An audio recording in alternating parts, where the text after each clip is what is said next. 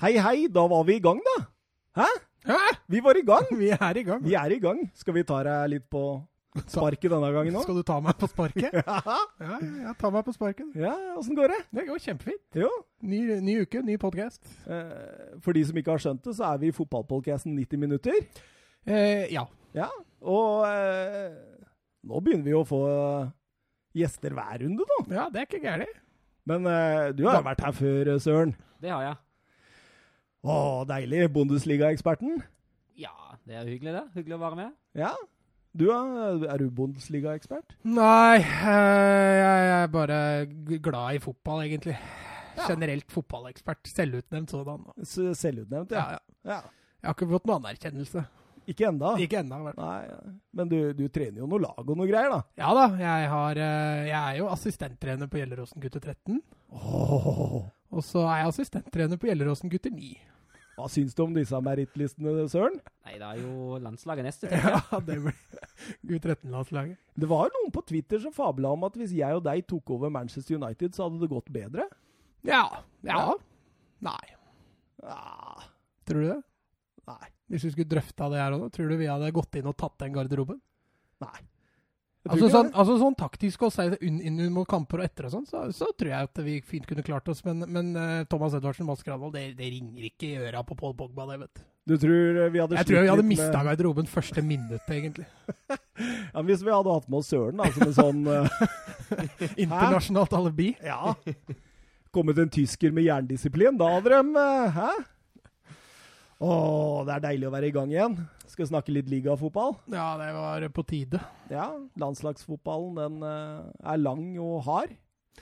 Ja, altså, det er jo gøy med Norge for tida, det er jo det. Men det er klart, eh, klubbfotballen det er noe eget. Åssen gikk det forresten med Tyskland i landslaget? Nei, vi kranglet oss til seier mot Estland, og så var det en ubetydelig treningskamp mot Argentina. Den ble 2-2, leda 2-0. Men uh, Og så krangla dere til, nei, til seier mot Estland. Ja, altså. spilte med en mann mindre etter 14 minutter, og så var det ja, litt sånn Røyk dere på et rødt kort? Ja. Ja, stemmer. stemmer. ha litt tilbakespill av Sule som uh, Chan må må ofre seg for. Så da var han sistemann å bli utvist, og så tok det litt tid før vi fikk Jeg tror vi vant 3-0 mot Estland, faktisk. 2-0. Uh, Ja, for Emre Chan, han spilte midtstopper der, han. Ja. Er det på tide å børste støvet av Mats Hummelsen, kanskje? Ja, Joakim det- eh, Jørgi Løv? Det er det. Det er det absolutt. Nå som Mm. Sule har rykket korsbåndet i helgen nå, da Mm. er det i hvert fall på tide at Hummels får komme tilbake. Ja, Tror du han vil det? Ja, han har sagt seg villig, men om uh, gode stae Løf uh, sier seg villig, det Ja, det Det spørs det. Når du prioriterer Emre Can som midtstopper framfor å, å ringe Mats Hummel, så er du ganske sta. Altså. Ja, absolutt. absolutt. Men uh, Kai Havertz han spilte også, så jeg. Ja, han gjorde det. Ja. Indreløper?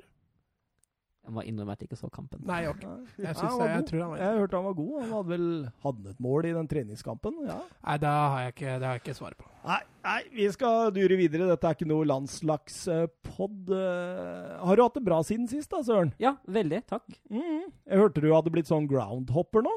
Ja, det er veldig gøy å være hoppe fra bane til bane og se litt uh, fotball også i lavere divisjoner her i landet. Når du står i en eh, sånn regnfylt kveld på Ekeberg og ser Skeid 2 mot hvem, hvem, var det? Nesodden IF. Da Enten så har du for mye fritid, eller så eh, er du så glad i fotball at det nesten er litt skummelt. Jeg tror det er sistnevnte også. Ja. ja nei, jeg hadde ikke hatt tid til det, i hvert fall, tror jeg. Nei, jeg hadde ikke prioritert tida mi sånn, tror jeg. Men de har jo sånn app. Hva heter den appen, Søren? Ja, et med heter Groundhopper. Den, uh, den catcher opp alle kamper som er i nærheten av deg innen fjerdedivisjon, i hvert fall i Norge. Så det er, Ja. er ganske morsomt. Så da går det an å registrere kampene der, og så kan man uh, Hoppe. Ja, så kan man hoppe. Det er sikkert gøy. Mm. Hvis man har tid. Hvis man har tid. Nei, eh, vet, vet du hva? Eh, Jeg tenkte vi egentlig skulle bare kjøre på rett på med et lyttespørsmål, ja, Mats. Fordi vi har fått et eh, Det var vel egentlig ikke et spørsmål, men et statement. Og her må du egentlig ut og forklare deg litt. Er jeg satt i søkelyset? Du er satt i søkelyset rett og slett fra Vebjørn Fredheim, som sier til Mats Du vingler veldig i meningene dine. Positiv til Solskjær, så negativ, så positiv, så negativ. Juve-favoritt, Inter-favoritt, Juve-favoritt. Du må stå for meningene dine. Thomas står for dem, og går heller ned, med flagget til topps. Det er veldig bra, Vebjørn. Godt jobba, dere er flinke. Hva, hva sier du til denne Nei, det er jo selvfølgelig helt rett. Eh, Jeg syns det er veldig gøy å vingle. Ja. Eh, For da, nei, altså United, der føler jeg jo at jeg ikke har vingla så mye, har jeg det? Du har stort sett vært positivt. Ja, sto, altså, jeg hadde en liten rant mot Newcastle, uh, men Ja. det var jo på sin plass, og det blei jo mye bedre med en gang. Ja, blei det så mye bedre? Ja, det skal vi kanskje snakke om resultatmessig, i hvert fall. Men eh, nei, men med Inter Juventus har han selvfølgelig helt rett. Uh, Der har jeg vingla, og det Men det går jo på at jeg ser jo på kampene, da. Ja, du gjør det også, men, men du må, tenke, du må tenke på dette med et lengre perspektiv. Du kan ikke bare tenke sånn at nå var det bra, så da gikk det bra denne helga. Så, så Jo, men Inter har jo vært solide. Ja, ja, jo, Og Juventus har jo vært ustabile. Det er jo Ja. derfor jeg vingla litt. Og så så du Juventus-Inter, og så skifta du mening. Mens jeg sto på det og sa at eh, du, Inter vinner dette. ja, men jeg står jo fortsatt på at jeg tror Juventus vinner, men Inter er mye nærmere enn det jeg trodde de var på forhånd. Ja, ja. Så du er ikke så vinglepetter som Jeg, jeg, skjønner at det oppfattes som vinglepetter, altså. Men, Sy- men Syns står du det er vinglete, eller, Søren? Nei, det er jo Jo! Jo! altså, høflig Mats sitt hjem her, vet du. Det. Nei da, men jeg står fortsatt inne for at jeg tror Juventus vinner serien. eh, og at eh, Nei, jeg er redd for Solskjær får sparken. Altså. Men, men, men eh, så du Juventus nå i helga? Ja. Det var ikke voldsomt Nei, bra. det er, ikke, det, er, det er ikke mye bedre framgang offensivt enn det det var under eh, Allegri. Men, men det er litt sånn Liverpool, da. De vinner jo kampene for det. Ja, de gjør det. Nei, Søren, eh, skal vi bare kjøre i gang med introen, eller? Ja, det er bra. Ja, vi gjør det. Kjør musikk, eller, Mats? Kjør. Ja, kjør, kjør, kjør.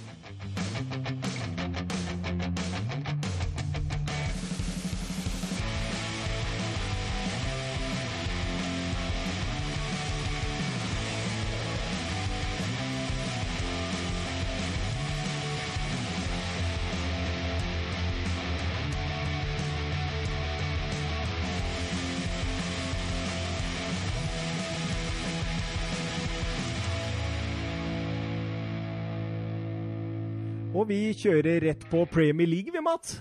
As usual. Rett på Premier League. Eh, Everton eh, tok imot eh, Westham United. Et eh, Westham United som ikke har vært i veldig bra form det siste. Et eh, Everton også, som kanskje Ja, det har lugga litt i. to lag i dårlig form. Ja, jeg tror Everton hadde fire tap på de siste fem. eh, Men nå, eh, denne kampen, var de litt tilbake til det vi trodde de skulle være. Ja, men han gjør litt forandringer òg, Silva, til den eh, kampen her. Uh, Walcott er vinner, Charlison fram som midtspiss. Han, han eh, gjør litt forandringer. Både Moise Keane og Calvert Lewin ute Mm. på benken. Hva, hva tenker, Finner Silva ut av dette, eller søren? Ja, Det så i hvert fall bra ut mot Westham nå. Kan jo hende at han eh, finner litt bedre balanse nå. Jeg syns det var bra kamp av Everton. Ja, han sto godt. Det var bra gjennomført kamp av, eh, av Everton, og det var Det egentlig tar jo tidlig ledelsen der, da. Ja, altså vi snakka jo om det sist. Når Everton tar ledelsen, så går Ja. det bra. Ja. Uh, men uh, nei, jeg syns det var en godt gjennomført kamp. Og du så også Pellegrini var, var misfornøyd på sida der flere ganger. og Største sjansene til Westham han var jo på dødball. Der har jo Everton slitt i før i år. Men når de greier å stå imot det også, så, så har de dagen. da. Men Skal vi snakke litt om 1-0-målet til Bernard der, eller? Ja, han tar jo omveien, så det synger der. Det er sikkert mange Everton-fans som var ganske frustrerte når han begynte å jobbe seg utover der igjen. Ja, altså Nei, ja, nei, den er jo egentlig ja, den- Sjansen er jo egentlig over når han velger å vende hjemover der. Eh, Altså, sjansen er ikke over, men, men hans sine muligheter er over når han Ja. vender den veien. Eh, Så det er en kjempeprestasjon at det ender opp i scoring, faktisk. Ja, og, og dårlig prestasjon av uh, Roberto i Western-målet. Uh, Ja, den er skrå. Ja, da, da skal han dekke nærmeste stolpe. Det eh, ganske dårlig keeperspill. Men uh, 2-0-målet til Gylfi Sigurdsson, den kunne ikke Roberto ta noe ansvar for. Herlig.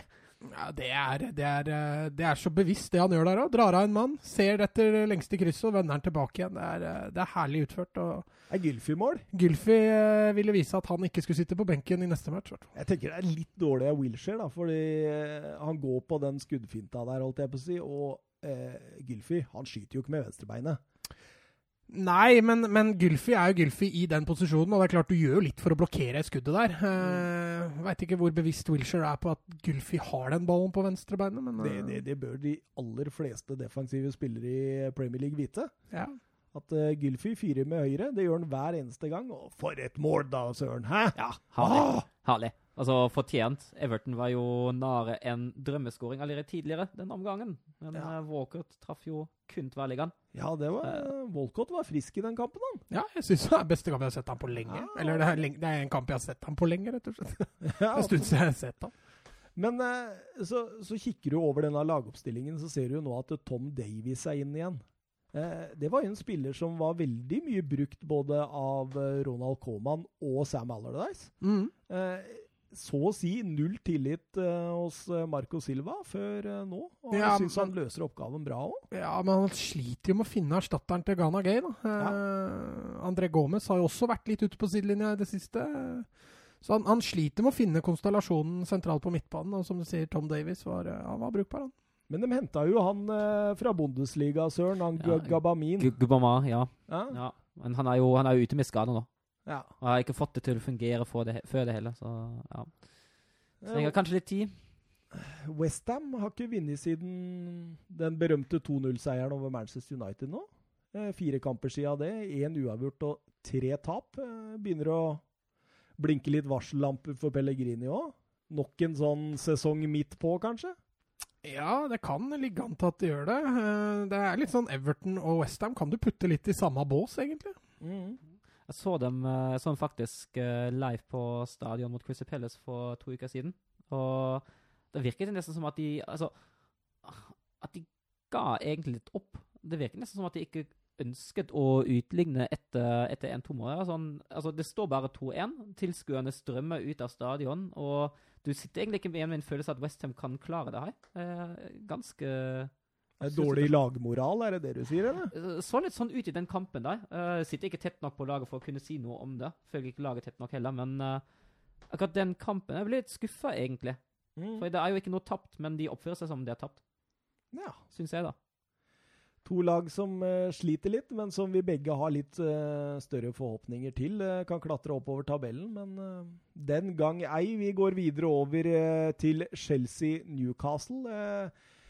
Et Chelsea-lag som eh, egentlig bombarderte Newcastle til tider. eh, men ikke får mål før godt ut i annen omgang, da Alonso setter eh, et eh, skudd fra skrått hold. Ja, det var, eh, det var et Newcastle-lag som parkerte bussen. Eh, De lå og tok imot. Newcastle var farlige, litt farlige første kvarteret, ellers så var det, det var ingenting. Så Chelsea kunne egentlig bare kaste masse folk i angrep, for, Mm. for Newcastle hadde ikke noe å komme med. Og at det ble mål til slutt i den kampen her, det, det var vel fortjent. Jeg hadde noen diskusjoner eh, angående fantasy, altså FPL, eh, før denne runden. Fordi det var så mange av disse podkastene og de, diverse forskjellige sånne sider som lanserte Abraham som eh, kaptein. Eh, jeg prøver å fortelle stort sett alle at Newcastle kommer til å gå i blokka. Det, det, det kommer ikke til å bli eh, voldsomt mye poeng på Abraham. Og selv om Abraham kunne vel kanskje skåret hat trick der, så, så eh, Ja, den ene til eh, er det Jedlin som kommer skliende inn der. Det er, eh, det er forsvarsspill på ekstremt høyt nivå. Altså, for der har Abraham Oppi huet sitt så har han scora, faktisk. Ja, du ser han er helt sjokkert. Ja, han bare, hvor, hvor kom han fra, liksom? Så, Av årets blokk, eller? Ja, definitivt. Den er helt vill. Den er, det var nydelig. Men nei, jeg syns, syns Chelsea gjorde en, gjorde en god kamp. Og som du sier, Abraham burde jo i hvert fall hatt, hatt én skåring i den kampen. der. Så kom uh, Pulisic uh, henta seg litt igjen, syns jeg. Han har jo involvert i 1-0-målet. Han spiller jo nest siste pasning. Han spiller jo videre til Hudson Døy, som da har Mhm. assisten på Alonso. Så har han jo den uh, pasningen før Abrahams kjempesjanse. Så har han en god sjanse sjøl. Han var jo bare innbytter, men uh, han, uh, han satte sitt preg på kampen. Endelig, kan man si. Ja, Lampard han skrøt han etter òg. Sa at uh, nå kan vi begynne å høste fruktene av han. Og det samme er jo med Hudson som var banens soleklart beste spiller. Ja, men det har vi snakka om før, og at der, der har Chelsea gull i bakhånd når, når han blir skadefri. Og tenke seg når de får tilbake Loftus Cheek i tillegg. Da er Chelsea på god vei inn i topp fire i England, i hvert fall når, når de begynner å snuble litt framme der. For de har jo egentlig ganske bra lag nå når alle er eh, fit for fight, omtrent. Eh, Altså Det offensive grunnspillet til Chelsea er, det er veldig bra. Veldig Mm. solid. Eh, Det er, det er så soleklar plan A og, og B for så vidt også i det Chelsea-laget der. Og, og når de greier å tippe sånne kamper som Newcastle i sitt favør, det, er- det er et styrketegn. Og jeg tror, eh, jeg tror vi undervurderte Chelsea litt før, eh, før sesongen. Mm. Jeg tror det her blir eh, knallbra. Du tror rett og slett at Lampard is the shit? Ja, altså Hvis dette fortsetter, da nå skal jeg, jeg, jeg vingler jo, da, som det har blitt påpekt litt her. men, men hvis jeg skal vingle litt, så tror jeg nok jeg, jeg velger å påstå at jeg tror Chelsea blir topp fire. For du var jo ekstremt eh, mer positiv til Lampard i Chelsea allerede nå enn det jeg var. Jeg Ja sa jo vent gjerne et par sesonger til, og så Så du, du skal ha for den at du hadde troa på prosjektet. Ja, det- jeg har ikke, jeg har ikke vingla så mye der, har jeg det? Nei, ikke veldig mye.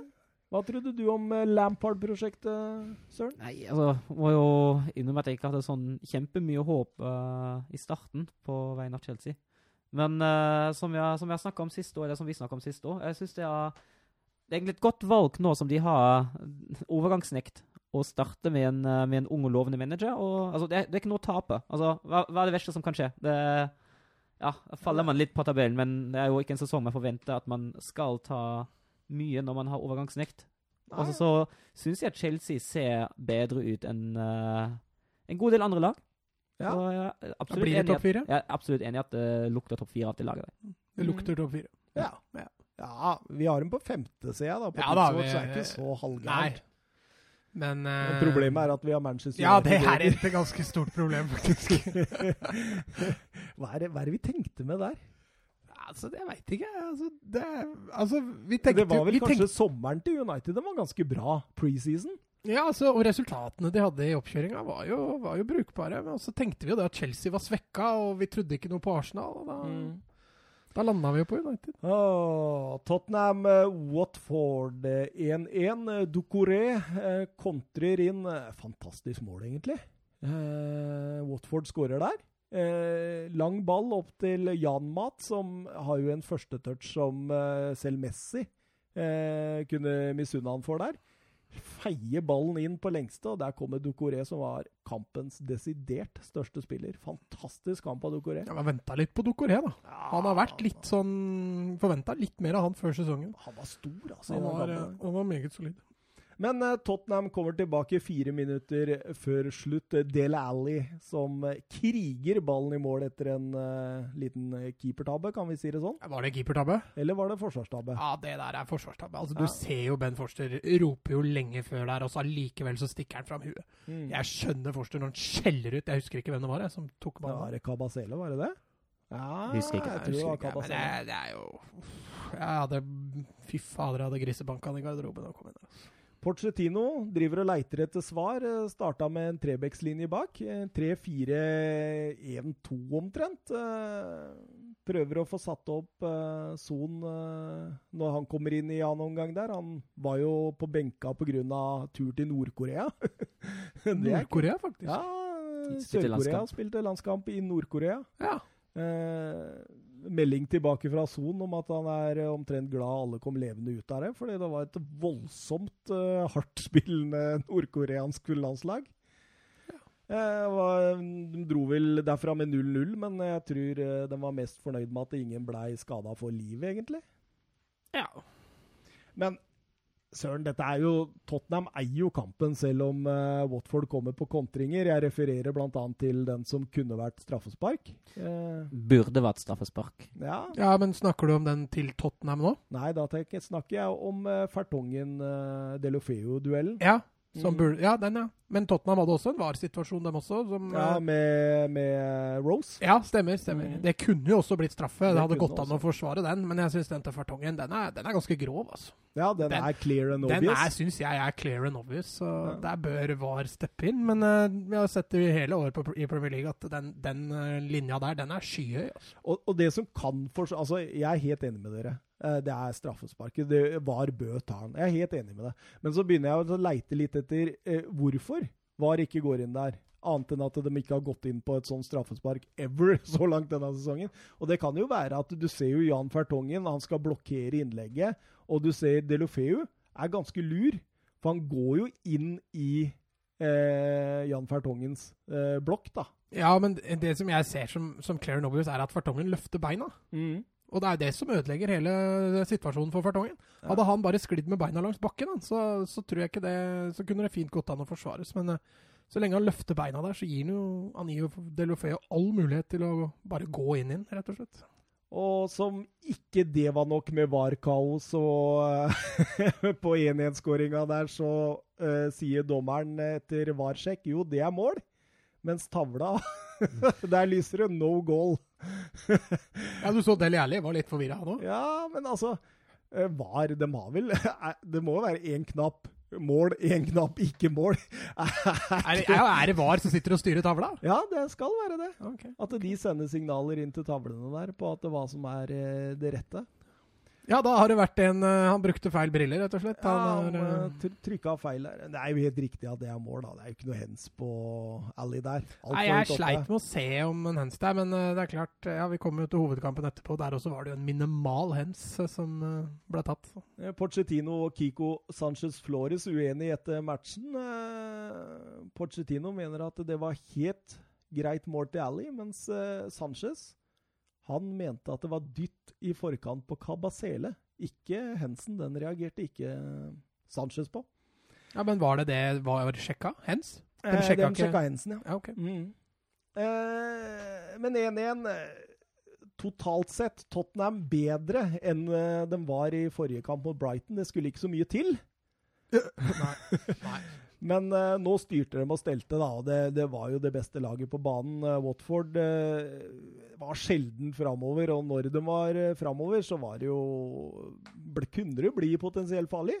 Ja, så var det litt sånn, litt sånn hell i uhell der òg, når Welbeck blir skada og Deolofeu kommer inn. For Deolofeu er jo en mye bedre kontringsspiller enn Welbeck. Ja, jeg skjønte ikke helt uh, valget. Nei, altså, Det er mulig han skulle spare Deolofeu. Ja, det er i så fall eneste grunnen jeg kjøper, men det er det er ikke noe grunn til å spare Diolofeu heller, hvis ikke han har vært skada. For han er ikke med noe landslag eller noe sånt. Så. Nei, Det var merkelig, men Diolofeu kommer jo inn og gjør en god figur. Og jeg er veldig bidragsyter i forhold til kontringene til Watford. Welbeck. Eh, får han mer enn 34 eh, minutter i løpet av sesongen? Ja, men Åssen skade på han nå? Nei, jeg fikk det ikke med meg, faktisk. Nei. Ja, nei, det er jo Sick Note 2. 2-0. Crystal Palace, Manchester City, Søren. Uh, benka du deg ned, eller? Ja, jeg så den hele. Mm. Ja. Hva syns du om City? Overbevisende bra. Uh, må jo nevnes at hvis vi ser hele 2019, og bare 2019 uh, eh, Før kampen var Crystal Palace det fjerde beste laget i Premier League, bak City, Liverpool og Arsenal. Uh, bra statistikk til deg. Tatt 44 poeng i 2019. Ja. Og så er det jo ganske dype i starten da. Men jeg syns City løser det bra. City spiller tålmodig. Spiller seg fram til to overveite mål, og så burde de vunnet med mer enn 2-0. Var Palace litt naive der? Ja, det, det kan jo være. De kommer i hvert fall til kampen med god selvtillit, tenker ja, jeg. Men, men jeg jo... tenkte jo på inngangen til kampen, hvordan de håndterte starten her, med at de legger seg så jækla lavt. Ja. Altså, Watford prøvde jo litt det samme. Det gikk jo svært dårlig.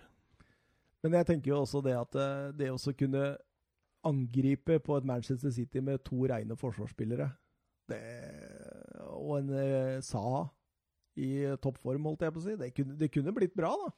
Å kjøre disse overgangene og Ja, altså de to rene forsvarsspillerne du nevner, er jo backer i tillegg. Så ja. det, det, er helt enig, det så, men uh... Vi snakker om et City-lag altså, som stiller med Rodri og Fernandinho som midtstoppere. Ja, John Stones var ikke helt klar ennå, men var benka. Ja, altså Altså, jeg synes Det var det jeg mente med naivitet da, fra, fra, Palace. At de ikke tør å satse mer i starten. fordi når Palace begynner å bli litt mer offensive, så, li så ligger de under 2-0. Mm. Um, og, og da må jo Edersen faktisk gjøre en god ja, del redninger. Ja, akkurat det. Sånn altså, mm. altså, det kan jo hende sitte litt mentalt i City òg, at de leder 2-0 og slapper av litt. Men, men uh, jeg syns det er merkelig at Palace ikke utfordrer dem mer i første omgang der. og, og prøver å true dem litt, for det var to fatale minutter som rett og slett ødela hele matchen for dem må jo sies da Eidarsson faktisk må reddes. Da burde jo City ha skåra mer enn to allerede. Så da har jo City hatt en god sjanse allerede. Ja, ja, ja. Så. Altså, City har jo 21 avslutninger, da, mens Palace har 7. Det sier jo litt, da. Det meste, det meste av det kommer jo i første omgang for City sin del. Ja. Gabriel Jesus skårte sitt 50. Manchester City-mål. Og ja. uh, Skårer ikke han hver gang han starter? Jo, stort sett. Nesten, ja. Og David Silva, det var kunstmål. Ja, der er jo Stirling viser sine kreative sider. Oi, oi, oi, den lobben der. Den var nesten noe, se litt Martin Ødegaard. Skal litt sånn- tilbake ja, litt til det sånn, seinere. Ja.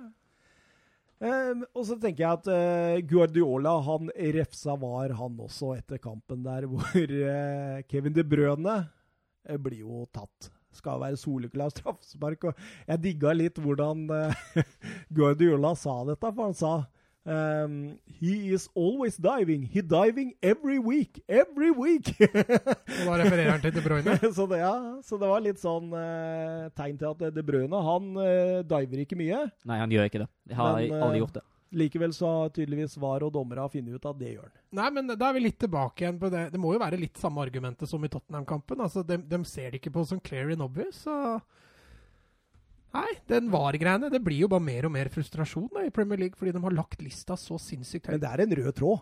Ja, det, det er det for så vidt. Det, det er jo bra.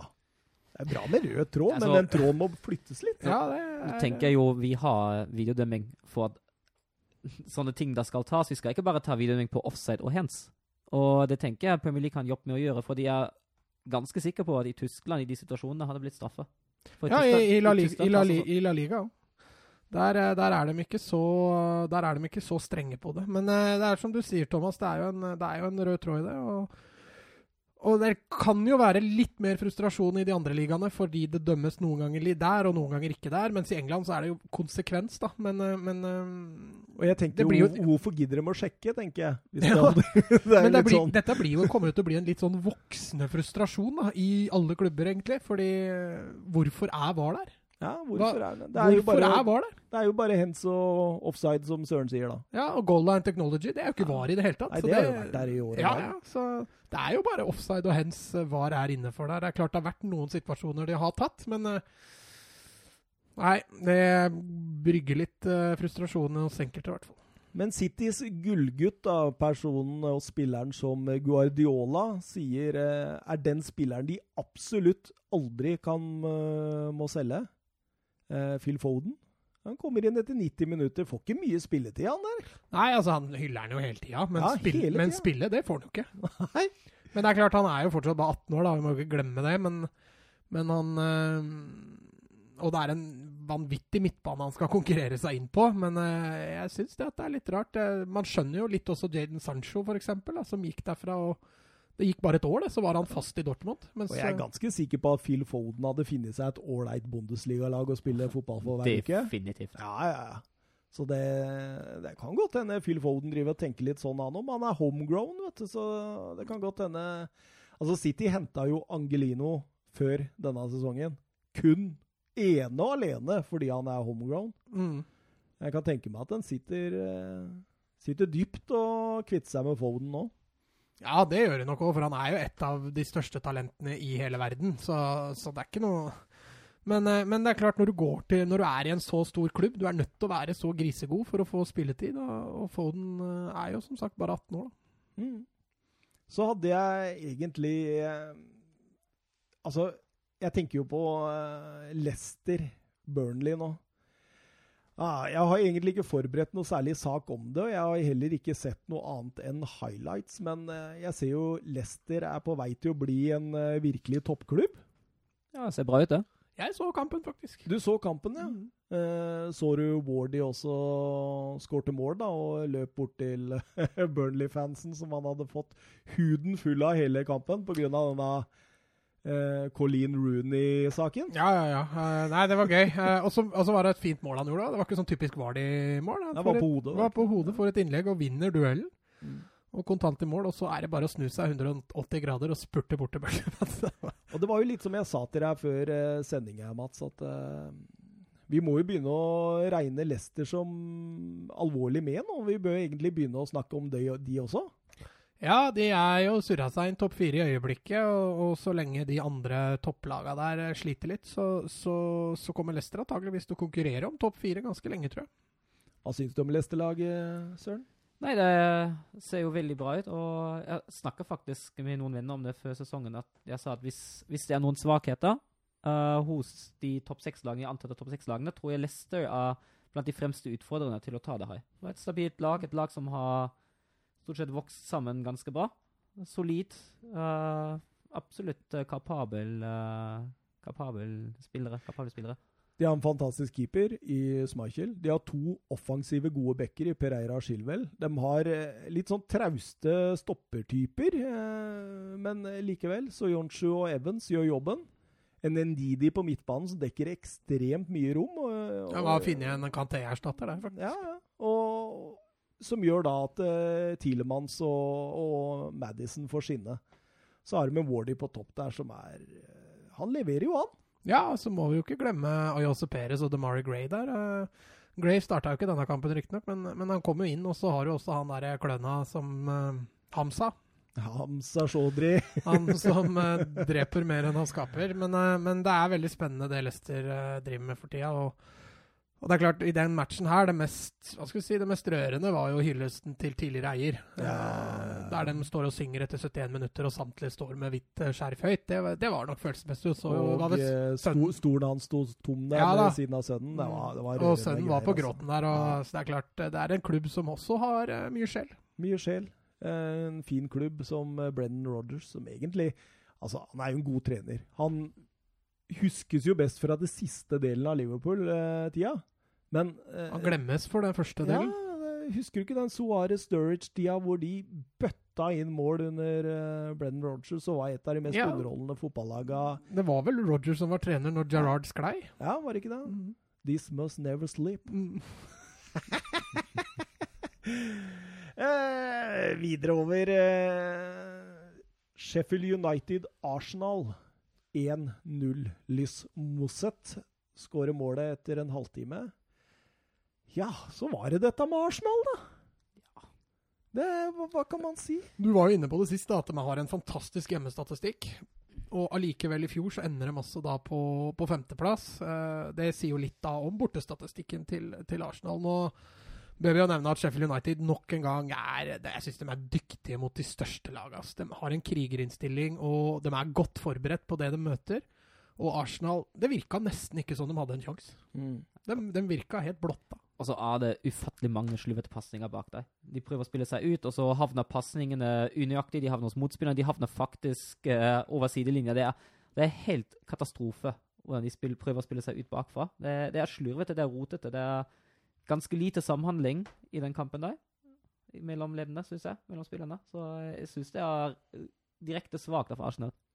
Nå hadde de gått fem kamper i Premier League uten tap, og så kommer de dit til Sheffield United, og det ryker selvfølgelig. Og jeg, jeg kunne sagt det til deg før, før, denne kampen, at det, dette her taper dem. Det er så typisk Arsenal. og det er litt sånn, Jeg leste et intervju med Patrice eh, Evra eh, sånn i rett i etterkant av denne kampen. Han sa det at Uh, I used to call them my babies ten years ago, and they still are. It was uh, I was so happy to play against Arsenal because I knew I was going to win. When Robin van Persie came, I shook his hands and said, 'Welcome to a man's club'. Dette er sånn, litt sånn altså, Men det, det, er litt sånn med Arsenal. De er litt sånn babyen. Det er litt sånn uh, De skal alltid lære? Ja, det, det, det er noe uforløst der. Uansett med Wenger eller med Eller sen Wenger-periode, da. Nå var de jo fantastiske under tidlig Wenger-perioden. Og så Emry nå. Det er jo liksom det samme syndromene som går igjen hver eneste sesong. Ja, men jeg, jeg også mener Jeg mener jo fortsatt at eh, det Emery har fått til til nå, og det er eh, Altså, kan man få til noe særlig bedre med det mannskapet? Ja, de har jo kanskje den spissrekka i Premier League som eh, skal ha det potensielt høyeste taket, da. De har en midtbane der med altså, Ceballos og Torreira og masse kvaliteter. Gendosi. Ja, det, det, er mye talent. Ja. Det er jeg helt enig i. Uh, men, men ja, Forsvarsmessig, det er der de sliter først og fremst. Og det, målet til Sheffield United også er jo altså altså, tre Arsenal-spillere går i duell med O'Connell. Han vinner den duellen. Hva David Louis driver med da, det, det får han, eh, det får han uh, forklare sjøl. Men uh, altså, ingen, ingen, grunn til at han skal ut, det, ut, mot den ballen og glemme midten. Det er ballwatching, syns jeg, rett og slett. Ja. Og det, det hører ikke hjemme på det nivået. Mosset får stå på fem minutter og banke den i mål. Ja, han har vel skåra litt vanskeligere mål i karrieren. Han har, han har, nok det. Det er O'Connell der som vinner duellen. Det er fantastisk. Og det, de, disse tre stoppere til Sheffield United Altså Da tenker jeg på Egan Basham og O'Connell. Fantastisk i duellspillet. Ja, holder jo til og med Jagielka på benken. Da. Ja, men det ser ikke noe grunn til at han skal kunne komme inn der. Nei, ingen faktisk. Eh, ja Skal vi rusle over til hovedkampen vår, eller? Ja. Det var vel rosinen i pølsa, det, i den runden der. Ja, det var jo det. Manchester United mot Liverpool. Eh, vi spurte lytterne våre på Twitter eh, før eh, kampen hvordan kommer dette til ende. 16% trodde Manchester United, 28% trodde uavgjort og 56% trodde Liverpool.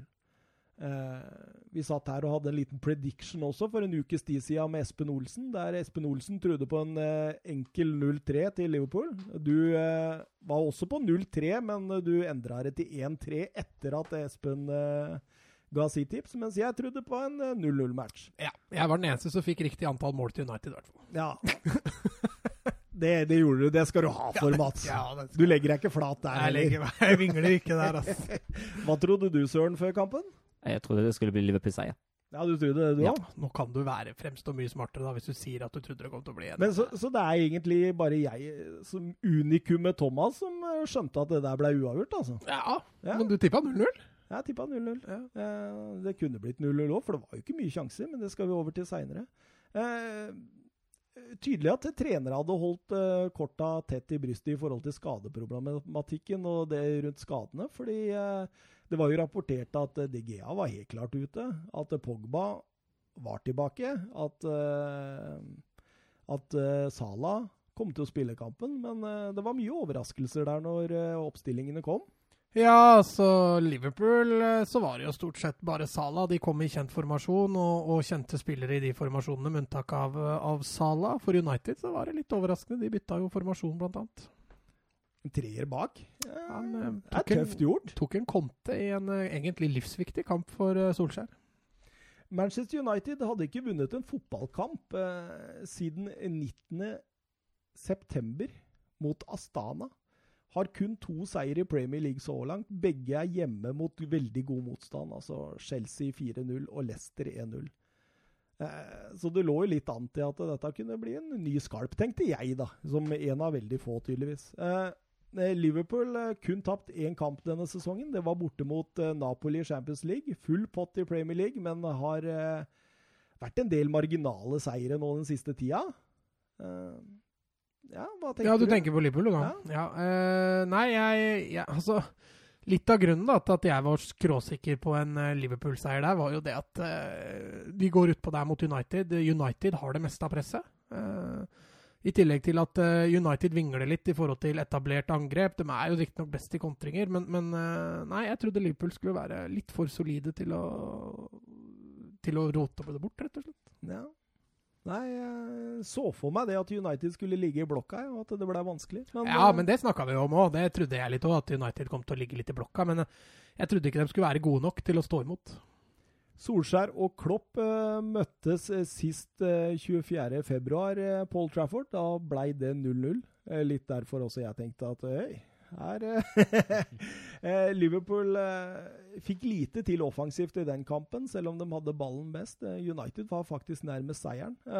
Og på de siste 25 oppgjørene lagene imellom, så står United med tolv seire, Liverpool med sju, og det er seks uavgjort. Så et klart historisk overtak til Manchester United.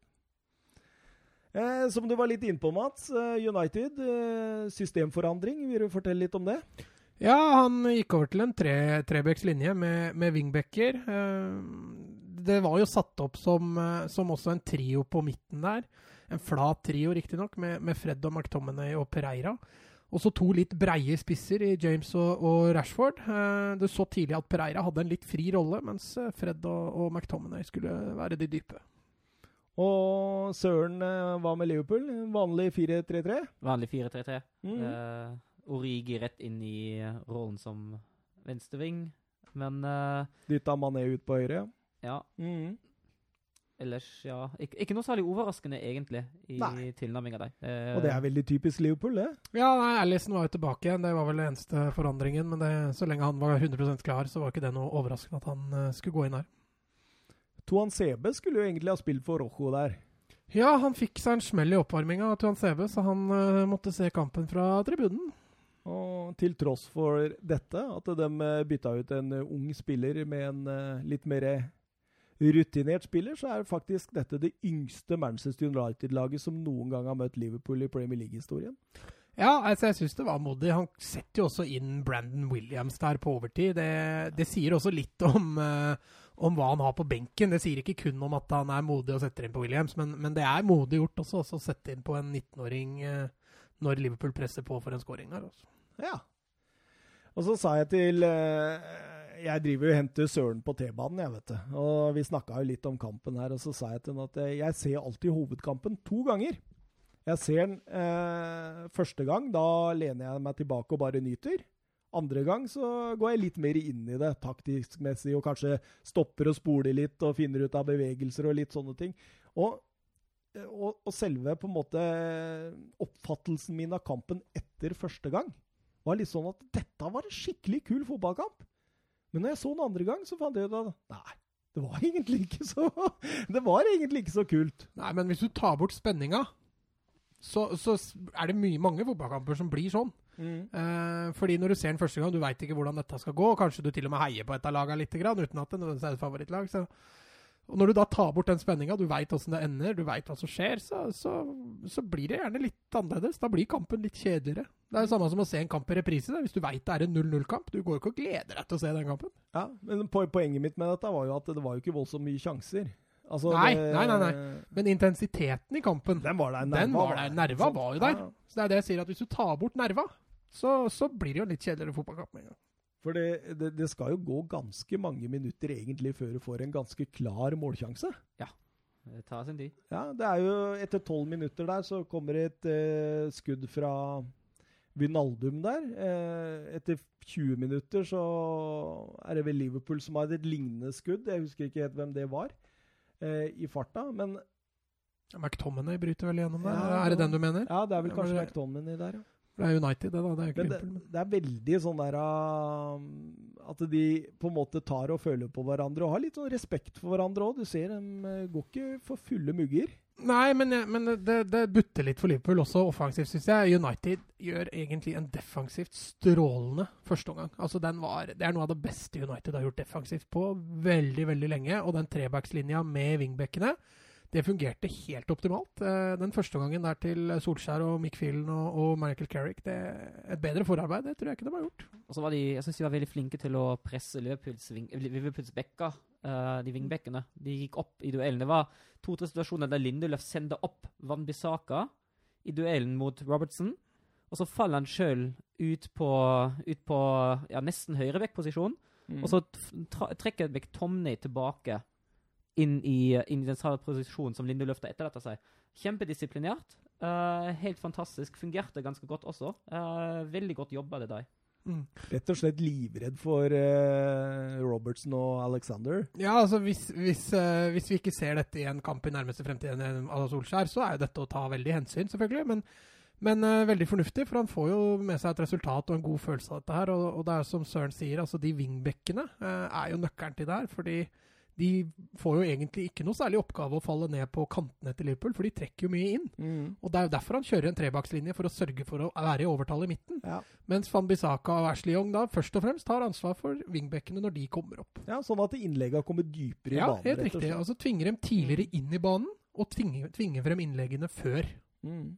Og Trent Alexander Arnold han var jo Det var jo, det var jo ingenting offensivt. Altså, Robertson hadde litt innimellom, men, men, Arnold var jo var ikke noe mye bidrag å komme med der. Altså. Han kom ikke rundt, og det til tross for at han spilte man-man mot uh, Ashley Young, som ikke er noe unikum. Nei, han er ikke Han er ikke noe super. Men, uh, men uh, også midt sentrallinja til United på midten der, med, med McTominay, Pereira og Fred, løper vanvittig mye. Altså. altså de legger ned mange meter. Ja, du ser Pereira, han står jo omtrent på Fabinho hele tida. Mm syns, jeg syns også McTomney gjør en uh, fantastisk kamp bakover. Han, uh, han stapper hull.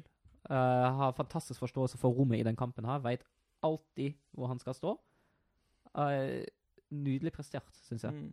Jeg så ma veldig mange skrøyt av Pereira etter den første omgangen der. Men jeg syns jo det tvert imot at det var katastrofe. Han tok jo så mye dårlig valg ja, med ball. Ja, men, men, det er jo det uten ball som blir skrytt av, da. Jo, jo, men det hjelper jo ikke å bevege seg uten ball veldig bra hvis du slår bort ballen neste øyeblikk. Nei, men, men så er det litt sånn altså, Se på benken til United, da. Hvem er han skal dytte inn der, som hadde gjort en bedre jobb enn han, totalt sett.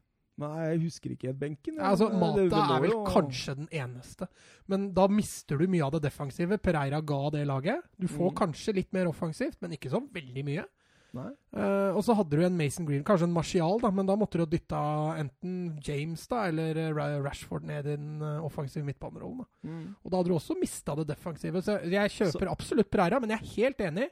Offensivt så spiller han på et eh, ferdighetsregister han ikke har inne. Nei, det er, det er ikke, Altså, det er han- ikke han, Han, han prøver på fi, fiksfakserier og, og dill og dall stadig vekk, og det mislykkes eh, ti av ti ganger. Mm. Ja, så skyter han når han skal spille pasning og eh, Ja, ja. Hælspark når han burde sentra ut, Ja, og det, det, er liksom, det er masse feilvalg med ball hele tiden. Liksom. Mm. Men dette var jeg også litt innom i Newcastle-kampen, at Pereira er han er ikke noen bidragsyter fremover for United i det hele tatt. Og, og han spiller rett og slett som en konsekvens at United har ikke noe bedre alternativer for øyeblikket. Nei, og at han kunne ligge på Fabinho da, og gjøre Ja, jobben til ja, Fabinho litt og det- Og det er jo den jobben han gjør bra i den Ja, kampen. Jeg er jo helt enig i at offensivt så bidrar han ingenting, men, eh, men han redder seg inn på det defensive. Så du forresten Rashford-van Dijk-duellen, eller? Ja, Van Dijk gikk faktisk i bakken. Ja, han gjorde det. Det er ikke ofte du ser. Nei. Og van Dijk gikk inn for å få Rashford i bakken. Ja. Så Det betyr at van Dijk var i balanse når han går inn i duellene. Ja, absolutt. Og nei, Rashford kom godt ut av den. Jeg har sett, uh, sett en statistikk at både Rashford og Matip bare vant én en duell hver uh, på bakken. Det er er ganske dårlig statistikk på begge. Ja, men Matip var fryktelig Ja, i den var kampen. helt katastrofe. Han var helt katastrofe i den Men, kampen. men hvis, du tar, hvis du husker forrige lille analyse jeg hadde av United mot, mot Newcastle, så er det ganske mye som forbedrer seg til den kampen her offensivt også, da. Én ting er jo Rashford. Altså Jeg Mm. sa jo at han var jo helt av mot Newcastle. Han, han løper ikke i bakrom, han skal ned og hente ball og være med å bygge opp og sånne ting. I dag så er det mye mer initiativ inn bak stoppera til, eh, til Liverpool. Og det er jo en spiller som virkelig går i krigen innimellom, både i første og andre omgang der. Og da, det er Han klart gikk fra banens dårligste til banens beste, han kanskje. Ja, altså i eh, hvert fall. Uniteds beste. Han er jo Ja, er det noen Liverpool-spiller Ja, vi, vi kommer tilbake til det. Ja, ja. Vi kommer tilbake til den. Eh, ikke så mye sjanser, og heller en maktkamp. Eh, Svært intensivt, da, og lagene mm, lar seg ikke lure defensivt i det hele tatt. Det gjelder jo også Liverpool, egentlig. Altså, de får jo Altså, altså United de angriper jo eh, de romma som Robertson og Alexander Arnold skal, eh, skal Eller forlater. Ja. Men eh, stoppere er jo ganske greit oppe til å, til å dekke de i Mm. tidlig fase, og Fabinho er flink til å, å flytte ned og bistå der. Så det, det, det, det, det også var litt bevisst fra United. Det var derfor de la seg med to breie spisser der, for at de skulle ha kortere vei til rommene som Robertson og Arnold forlater. og Igjen, altså en god, god, ting, god ting Solskjær gjør der, men, men det er som du sier, jeg syns van Dijk og Matip har eh, grei kontroll, i hvert fall første halvtimen. Altså. Mm. Etter 33 minutter så kommer kampens største sjanse. Det er eh, Fred som kløner voldsomt i offensivt innkast, eh, mottaket der. Og eh, Matip spiller nydelig ballen over eh, to pressledd. Ja, Til. Mané som bare tar med seg ballen på full rulle oppover høyresida Mm. der. Da er de tre mot tre en periode der. Eh, finner Firmino som skyter på direkten. Kunne vel kanskje tatt et touch der. Ja, men du ser han er litt i ubalanse, for idet han skyter, så går han også på snørra i, i gresset der. Så det er klart, hvis han er i ubalanse når han skyter, så skjønner jeg at han skyter på første, for da, da er jo det andre touchet blir jo enda vanskeligere. Men eh, det er jo som du sier, han har tid til å bruke to touch der, i hvert fall. Kunne enten sentra ut uh, venstre eller uh, fyrt løs på andre touch. Men, men igjen, altså, det er så bra det sett, altså, bra gjort kontring da, når du kjører tre mot tre der, for Mané går bare rett mot, uh, Ja, rett mot uh, Rojo.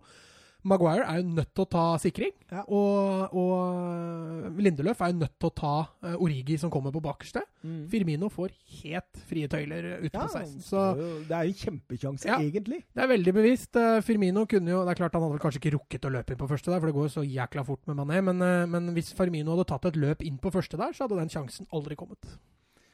Men etter 36 minutter, Søren, da får vi kampens første mål.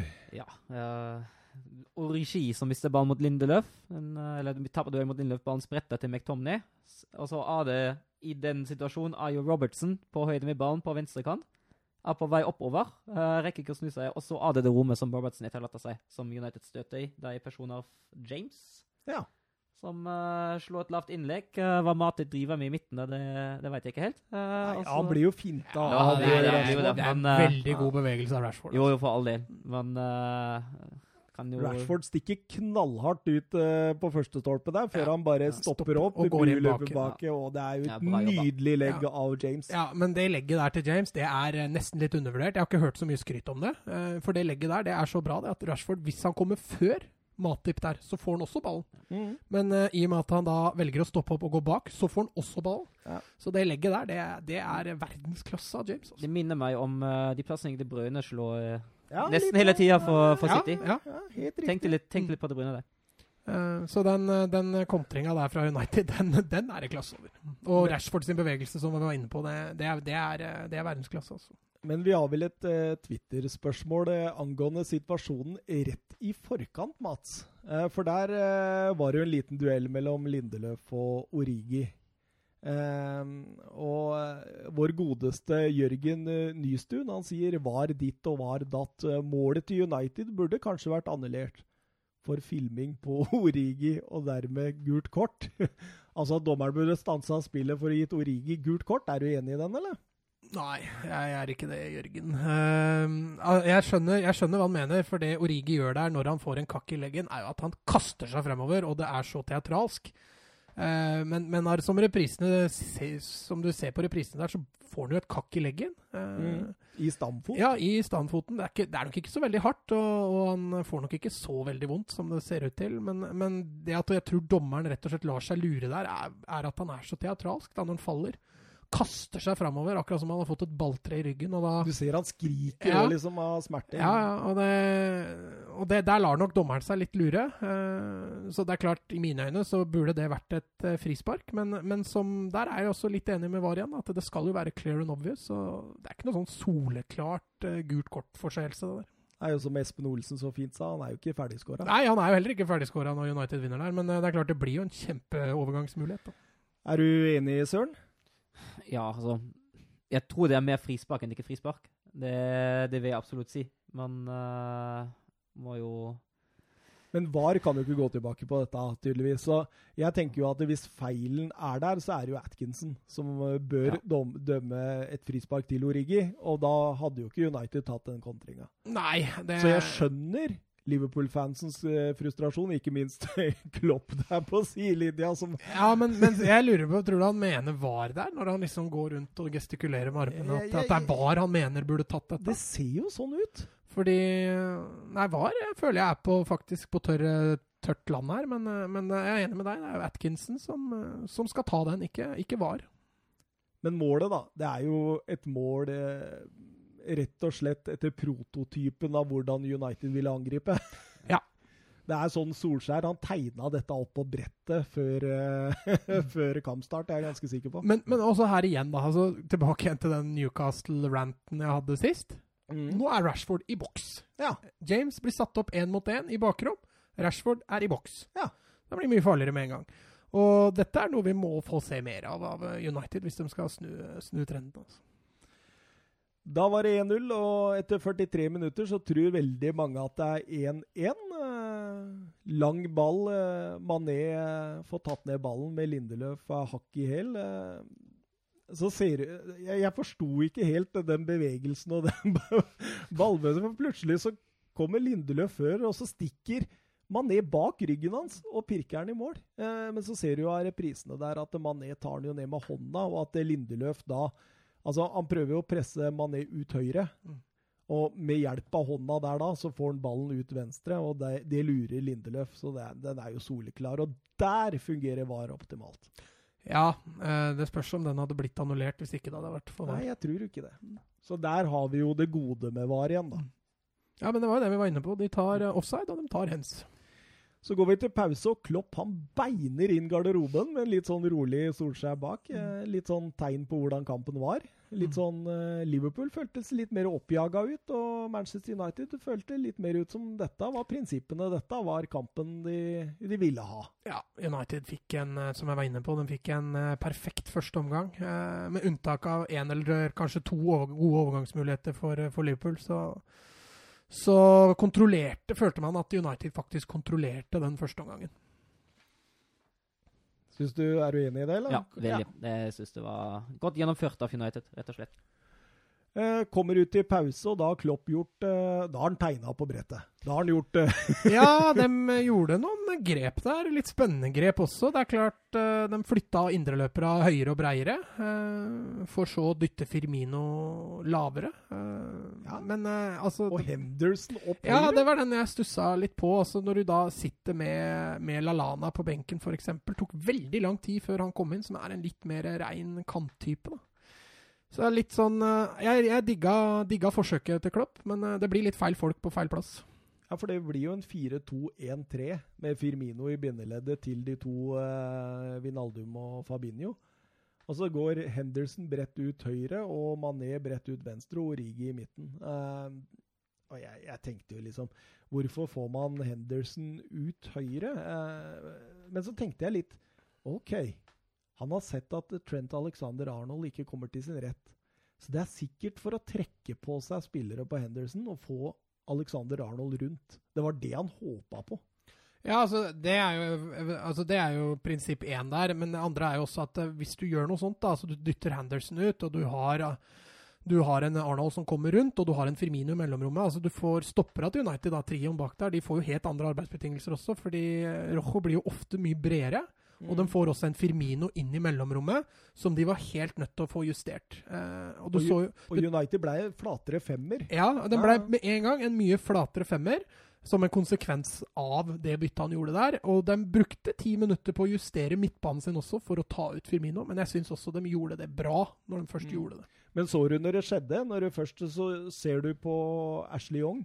Han løper ut til Mike Phelan, Ja. og så sier han hva, 'Hva gjør vi nå?' Hva gjør vi nå? Han blir automatisk stressa av det.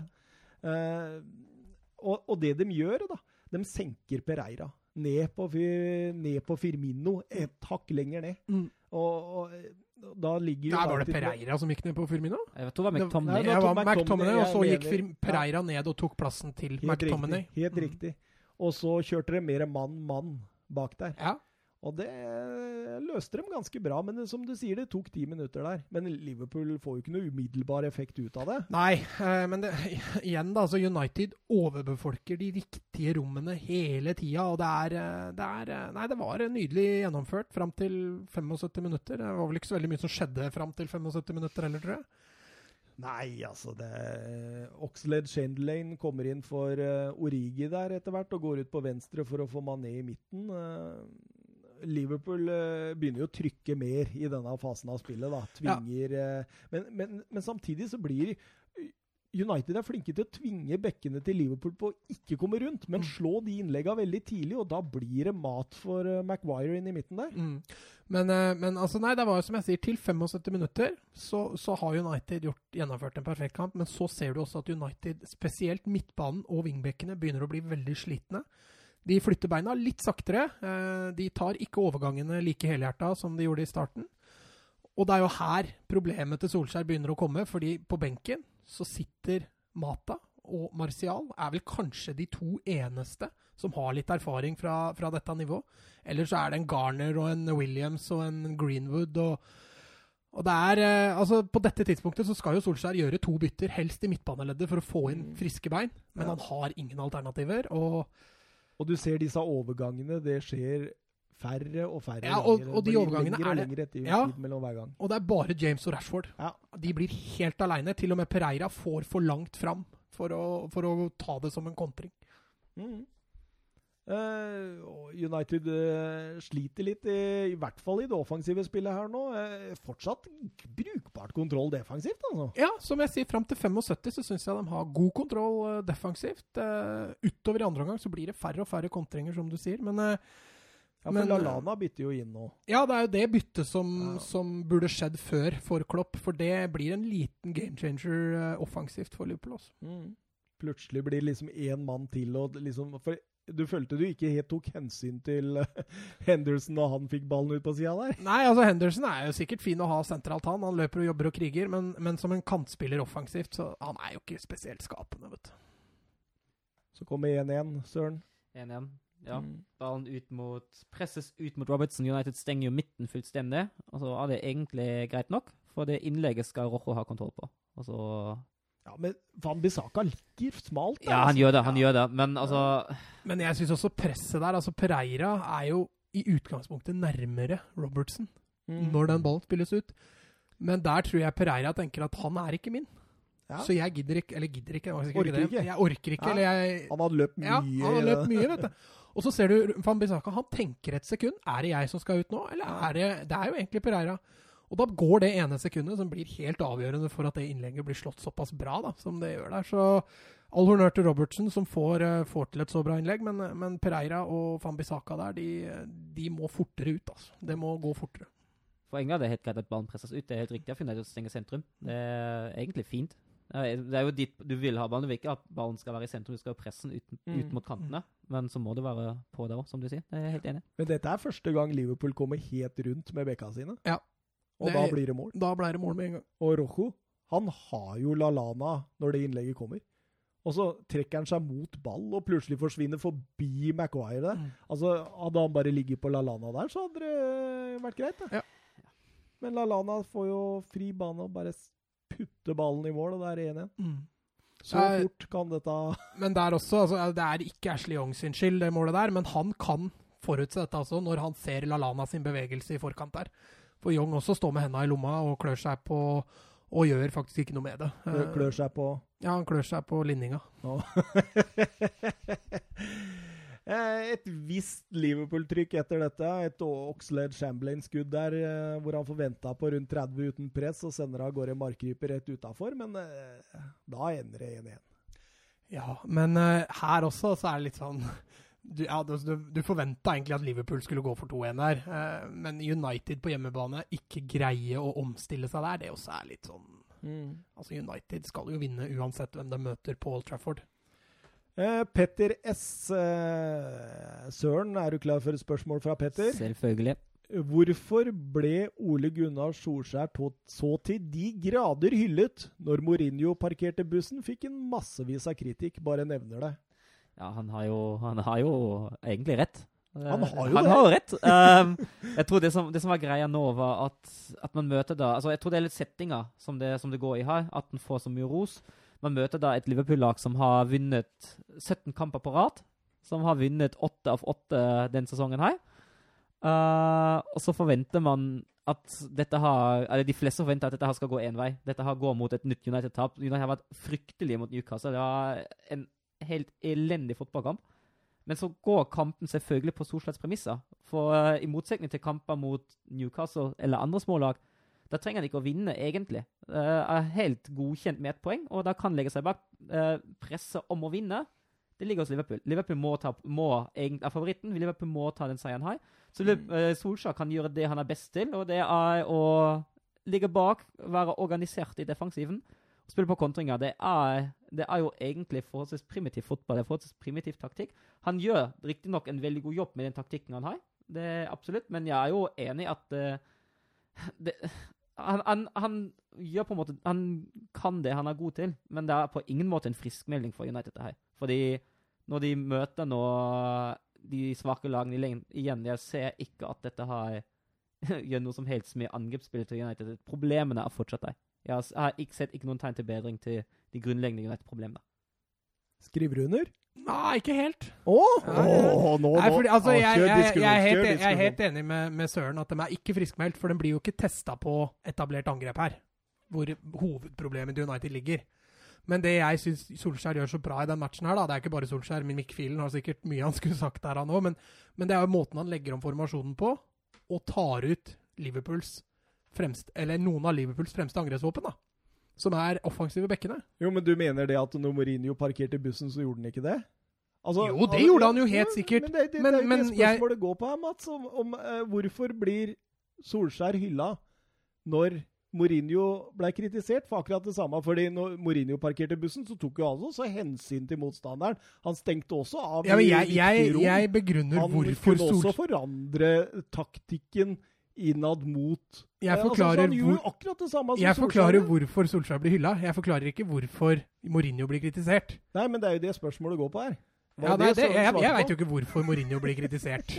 Men jeg syns jo Solskjær har tatt, tok et steg i riktig retning i forhold til det taktiske i den kampen der. For han legger jo opp en fordi han- perfekt for- taktisk plan. Jo, men eh, den taktiske planen er jo ikke noe unikum. Du veit jo hva Liverpool kommer med. Stenger du av bekkene der Ja, det er jo det han gjør så bra. Og legger deg bak, så gjør du livet vanskelig for Liverpool. Det, Han- du, det, det er jo ikke, du trenger jo ikke å være Angelotti for å forstå det. Nei, men hadde United gjort det de har pleid å gjøre hele sesongen, spilt 4-2-3-1 og gjort det de har prøvd på ja, hele sesongen, da hadde de jo tapt kampen, da. Ja, men han tar hensyn. Men, Ja, men, men, Det er derfor han får hyll-hyll. Ja, men Er det så mye å hylle? At han tar hensyn til motstanderen? Ja, må men det er da mye bedre å få- Virkelig en hvem som helst manager som møter et topplag gjøre. Er det ikke bedre å spille 1-1 enn å tape 3-0? Jo, for all del, men altså, poenget mitt er at han hadde noe valg. Du, du, du blir hylla for at du ikke har noe valg. Han hadde jo muligheten til å spille sånn som han har prøvd å spille hele sesongen. Ja, åssen da? Altså 4-2-3-1, og så prøve å angripe. Ja, men det klarer han jo ikke. Nei, nettopp! Så da tok han hensyn. Og da tok han hensyn. Og så skal du bli hylla for det. og fikk poeng. Og så skal du bli hylla for det. Ja, hvorfor skal han ikke bli det? Nei, altså, fordi det er noe alle managere gjør. Skal vi hylle hver eneste trener som gjør dette her, da? Da, Yeah. da må vi hylle i øst og vest, altså. Ja, vi hyller jo i øst og vest, og vi. Nei, jeg hyller ikke i øst og vest for det der. der. Det der, der. Altså, det, jeg er helt enig med Petter S. At det er helt utrolig at eh, de samme Manchester United-supporterne kan hylle dette her. Altså, vi parkerer bussen på Old Trafford og tar totalt hensyn til et Liverpool-lag, istedenfor å liksom på en måte Altså, altså Men, det er men kanskje er, den er du ikke eneste måten å vinne på. Eller kanskje få en uavgjort på. Det er jeg helt enig i.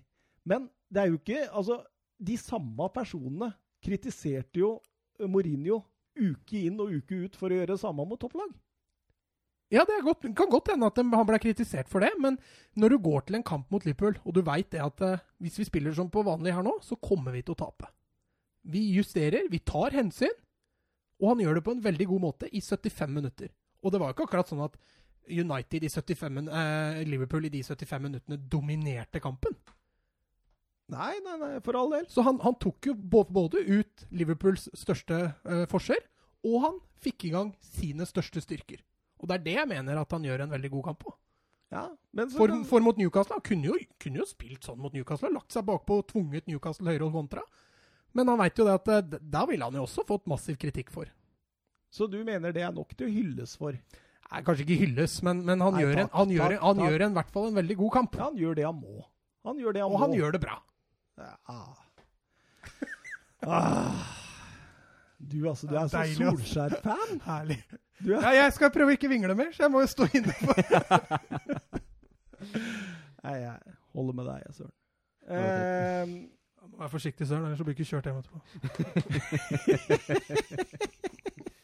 eh, men det, dette har vi jo etterlyst, at vi to skal være litt uenige. Det har jo blitt etterlyst på Twitter, Ja da. så det er deilig egentlig å være litt uenig med deg. Eh, Klopp sier at eh, dette er ikke kritikk, eh, men de forsvarer seg bare. De kan ikke spille sånn mot alle. Det er kjedelig. Det er ball i bakrom. Men han gjentar flere ganger dette er ikke kritikk, dette er ikke kritikk. Selvfølgelig er det kritikk. men, men da tenker jeg, gjorde ikke Klopp det i Champions League-finalen? jo. Nesten akkurat det samme. Altså, men må jo, må jo ikke glemme at Klopp han har jo mange kvaliteter, og han er sikkert en trivelig kar. Men det å kunne ta et tap, det er ikke hans største styrke. Jeg er ganske sikker på at han Ikke er en har triv... gjort det, tydeligvis. Ja, men At han er en trivelig kar, det tror jeg jeg kan skrive under på, faktisk. Ja. For da, han tror jeg kan være morsom å sitte i samme Og- rom. I hvert fall hvis han vinner fotballkamper. Ja, det, det, jeg har sagt. Altså, jeg har, jeg gjerne, veldig gjerne tatt en øl med Jørgen Klopp, men jeg har ikke lyst til å være i nærheten av når det ikke går som det skal på en fotballbane. Ikke i det hele tatt. Nei, han du har, har sett de der vrengtrynene hans og sånt når det virkelig går imot. Det er ganske Ja, men du ser altså de diskusjonene. Han fjerdedommeren, han hadde vondt i hodet etter kampen. Altså, for han blir diskutert mye med. Og det som han gjør veldig bra, fjerdedommeren, da, er jo det at han står jo bare og nikker. Han viser at han hører etter hva Klopp sier. Men du ser han prater jo ingenting. Han utfordrer han ikke. Han utfordrer, tar han på ingenting. Han bare står der og nikker anerkjennende. Liksom. Mourinho satt i studio etter kampen og skrøt av Solskjær og planen. Eh, sier si, selv at han ville vært stolt av gjennomføringa, og Gary Neville han hang seg på. Så eh, ja, det var jo en kamp i Mourinho sånn, dette. Ja da, det var det. Eh, Klopp har aldri vunnet på Old Trafford før, og Mourinho tror at det plager han voldsomt. Eh, he doesn't like the menu. He uh, wanted meat and got fish. Det um, Ja, United um, er det laget nå faktisk som har tapt mest poeng etter å ha ledet i Premier League så langt denne sesongen. De har tapt åtte poeng Uh, etter å Ja, det er litt sånn stikk i strid med hva vi har uh, sagt tidligere, i hvert fall. Ja, og eh, det er for første gang siden 2001 at disse oppgjørene ble skåra Eller begge lag fikk en engelskmann på skåringslista. Ja. Det har ikke skjedd siden 2001. November 2001. Da var det Beckham og Michael Owen som sto for uh, målene. Gode, gamle. Skal vi ta, eh, skal vi ta banens bestepoengene, da? vi lærte oss å kalle det nå. Skal du begynne, Søren? Ja, kan det. Jeg har lyst til å gi tre til Rashford, som jeg syns gjør en fantastisk kamp. Er egentlig en stadig trussel så lenge han er på banen. Blir jo mindre, som, som vi snakker om etter hvert, men uh, skårer det avgjørende målet, er skikkelig tent, er skikkelig på, uh, gjør veldig mye bra. Jeg syns han har fortjent, uh, fortjent, tre poeng. Så jeg har lyst til å gi to til Scott McTomney, som jeg syns er, som jeg sa før, fantastisk flink til å stenge alt av rom han kan stenge. Fantastisk flink som uh, som vaktbikkje til Femino i, i, andre omgang. Gjør en formidabel jobb på midtbanen. Så syns jeg én skal ha gå til, til, han som slo assisten til Rashford. Det er James. Det syns jeg også, i likhet med Tre Manchester United, altså? Tre Manchester United. Ja. Og det, det er litt, jeg tenkte litt på det da jeg, da jeg satte opp, fordi Sky satte jo opp et lag mellom uh, Best of-lag av United og Liverpool, og så var det elleve løpespillere på det laget der. Og så har jeg nå ingen Liverpool-spillere med i det, men jeg syns United, uh, United, gjør en bedre kamp enn Liverpool har. Uh, og jeg syns det Ja, det er det ja, men, Man kunne kanskje vurdert Roberts, man kunne kanskje vurdert uh, Lalana, men jeg syns egentlig det er de tre som, som sett over hele kampen, har fortjent det. Men var det ikke han der Danny Mills som satte opp det laget han har til Manchester United? Altså, å, se, å sette Henderson på et lag som uh, Pogba kunne vært på, det er jo bare Det, det er natta. Men nok om det. Uh, du, uh, Mats? ja, nei, jeg har, jeg har, Rashford på tre. Kommer han rettvendt én mot én, som han gjør flere ganger i Liverpool-kampen, så blir det farlig. innløpet hans på, på 1-0 er, det er helt fantastisk. Uh, eneste United-spiller som, som, virker farlig foran målet for tida. Nå er det riktignok han er den eneste stort sett som er foran mål, men, men, men for det. Uh, jeg gir to poeng til, til Fabinho. strålende bindingsspiller for, for Liverpool, spesielt defensivt. Og tar ut mye av det potensielle United-kontringene, sånn som han gjør. Jeg vurderte også, også van Dijk, men jeg syns han ble veldig tynn i den matchen her, egentlig. Ett poeng til James. Han løper og jobber og kriger og han tar to i huet der, rett og slett. Altså, den til Fabinho der, den er nesten litt ufin, faktisk. Ja, jeg eh, er jo tydeligvis ikke veldig uenig med noen av dere. Fordi eh, jeg gir tre poeng til Rashford. Eh, dere har vel forklart hvorfor. Trenger ikke noen videre forklaringer. Jeg gir to poeng til James. Syns han var ja, jeg, jeg, han løper så mye! Ja, Men jeg visste ikke helt om jeg skulle gi tre poeng til Rashford eller James. Jeg ja. syns de er ganske like. Eh, i denne kampen. Synes jeg Til og med James er enda bedre defensivt. Ja, men det er helt enig. Men Rashford er mer skapende offensivt. Ja, absolutt. absolutt. men, men Trekker på seg flere ja, spillere. Den, men den jobben James gjør i den matchen, her, med tanke på antall returløp og mye han løper, det var helt nydelig. Og så er det jo siste valget, da, der uh, Søren uh, dro på med McTominay, og du dro på Fabinho. Uh, det var det valget jeg satt med òg. McTominay eller Fabinho. Ender opp med tre United-spillere? Fabinho. Okay. Det gjorde det. Men, eh, men mest pga. det at jeg ikke kunne ha tre United-spillere. fordi United var ikke så overlegen, føler jeg, i den kampen til at det var eh, ga et riktig bilde av kampen. Men, men, jeg syns også Lindeløf og Maguire eh, gjør en meget eh, solid kamp. og eh, Lindeløf hadde én glipp når man skåra det målet der, men det ja, den burde jo også vært eh, jeg har skrytt mye av Matip i år, men jeg uh, syns han var nede i denne kampen. Ja, men Virkelig. jeg syns både han og van Dijk uh, sleit litt i overgangen. altså. Når Rashford dytter van Dijk over ende nest, ja, to ganger nesten, så, så, har han ikke hatt sin beste match. La Liga, Mats. Åh. Eibar, Barcelona. Griezmann, Messi og Suárez alle på, på skåringslista. Mm. MSG? Uh, ja, eller GMS. Eh. Nei, MSG, for det er mine initialer. Ja, det er det, ja. Oi, såpass, ja. Mats Sortnes Granvold. Det, det, er litt kult. Det er litt kult. Det er litt kult. Er litt kult. Eh, hva tenker du om kampen, eh, Mats? Nei, det var en førsteomgang hvor Eibar, eh, ja, om de ikke var fullt på høyde med Barcelona, så, så var det en solid uh, førsteomgang. Uh, litt uheldige der, Eibar. Bekken sklir når han skal prøve å ta igjen Grismann der, som gjør at Grismann får mye bedre tid enn det han kanskje burde hatt. Og setter den enkelt via stolpen og inn der, og, og Barcelona leder jo 1-0 til pause. Andre omgang så syns jeg Barcelona styrer mye mer og har veldig god kontroll på det hele. og det blir sånn Messi, Suárez, Griezmann-show utover i andre omgang. Ja, Syns de begynte å finne hverandre fint der? Ja, altså Grismann ut venstre er fortsatt ikke helt optimalt, tror jeg, men, men det beste kampen han har hatt så langt i år på, som venstrekant. Men, men Søren, når de setter den trioen på midtbanen med Arthur, uh, Busquets og de Jong, er ikke det det beste de kan stille med der? Jo, jeg vil, jeg vil jo si det. Og Ja. de Jong har jo hatt en uh, spilt en veldig god kamp mot Eibar. Uh, virkelig, virkelig sterk. Ja, absolutt. Jeg føler både dynamikken eh, sentralt, både defensivt og offensivt, hvordan de fyller hverandre, er veldig mye bedre med den trioen på midten.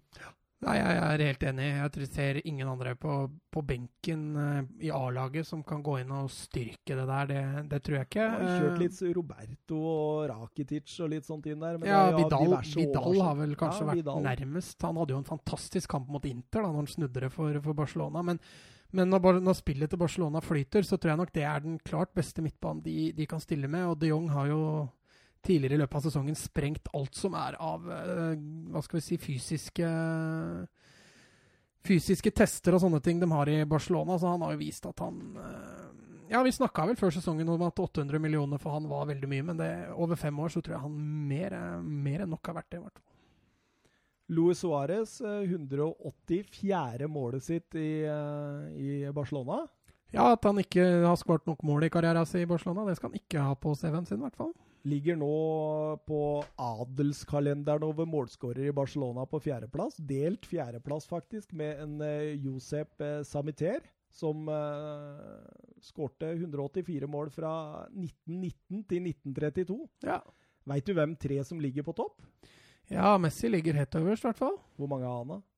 423. Oi, oi, oi. 605 Oi, ja, Ja, Barcelona-mål. ja, men da snakker vi totalt i Ja, jeg snakker om La Liga-mål. Ja, Barcelona-mål snakker jeg om. Ja. Mm. Nummer to, da? Uh, ja, det er Cæsar. Ja. Han har 232 i uh, en uh, periode fra 1942 til 55. Mm. Nummer tre? Er det han Charles, holdt jeg på å si? Nei, det er Laslo Laszlo Kubala. Ja, Kubala, selvfølgelig. Han eh, har 194 i perioden 50 til 61. Eh, Veit du, eh, det ligger to karer eh, på delt åttendeplass eh, på den lista. Eh, 130 mål begge to. Eh, likte navnet. Eh, ga historisk rung over min barndomstid som eh, fotballsupporter. Geir Lineker. nei, Samuel Eto'o. Eto'o. Åh, Rivaldo. Det er nydelig navn. Eh, Grismann snakka etter kampen om at samarbeidet med Suárez og Messi bare blir bedre og bedre, og at eh, han hadde store forhåpninger for fremtiden med dette, denne trioen. Og El Clásico neste helg, vi hadde gleda oss, skulle være hovedkamp. Det er opptøyer. Den den røyk. Den røyk. Eh, har du forstått hvorfor det er opptøyer, eller? Nei, det er jo, er jo har vært konflikt mellom uh, Catalonia og særlig Barcelona og sentralregjeringen en stund nå. Begynte jo med den uh, infamøse folkeavstemninga. Og, Ulovlig sådan. ja, og er langt fra ferdig, ferdig nå, så ja, det Det er jo denne fengslinga av noe separasjonsledninga. De har fått ti år i fengsel, uh, vil jeg tro, hvis jeg ikke tar helt feil. Så da, og, Ni stykker, var det det? og så går, og så går jo folk, eh, folk i Barcelona er jo ikke imponert over det der, så ja. Hadde til og med stengt av La Sagrada Familia, så jeg der. Mm. Mye opptøyer og Så hvis du har tenkt deg en tur til Barcelona ved den nærmeste tida, så vent litt. Ja, Ja. drøyen. Det, det er vårt, uh, vårt uh, lille tips. Reisetips. Eh, Atletico Madrid, eh, Valencia, det blei 1-1. Eh, Diego Costa skåret 1-0 på straffespark, mens eh, Parejo utligna det straffesparket åtte minutter før slutt med et nydelig frispark, Mats. Ja, den satt uh, klistra. Eh, Oblak eh, nådde ikke fram, så vidt det var. Eh, Nei, Jeg tenkte jo det at jeg skulle kjøre en liten analyse av Atletico her, sånn som jeg hadde litt mot United sist, med tanke på at de sliter litt. Men, men de spilte en fantastisk god førsteomgang. Og det er ingen tvil om at, eh, at eh, der skoen trykker mest for Atletico, er, er foran mål. De, de har ikke målgjørere eh, som, som, setter de store sjansene. For, for grunnspillet til Atletico Madrid er meget solid. Defensivt så, så, er det vel ikke så veldig mye nytt å legge til, for de er, de er utrolig disiplinerte og gode defensivt. Ligger, ligger, eh, med korte avstander og er ekstremt aggressive i, i presset sitt. Offensivt veldig flinke til å sette opp feilvendt, rettvendt. Opp på feilvendt spiss, ned igjen på rettvendt midtbanespiller i, i fart. og og, og, så søke gjennombrudd, men, men, foran mål Costa bommer jo, Morata bommer, Felix bommer. altså De, de, de bommer på altfor mye sjanser til å kunne hevde seg. altså. Eh, nå må jeg bare beklage, for jeg hoppa over et Twitter-spørsmål til Sigbjørn eh, Fatnes Bø. Eh, det var en stor eh, tabbe. Eh, beklager det, Sigbjørn. Eh, du skal få svar. hvor stort problem er det at Barcelona forsvarer seg med kun åtte spillere?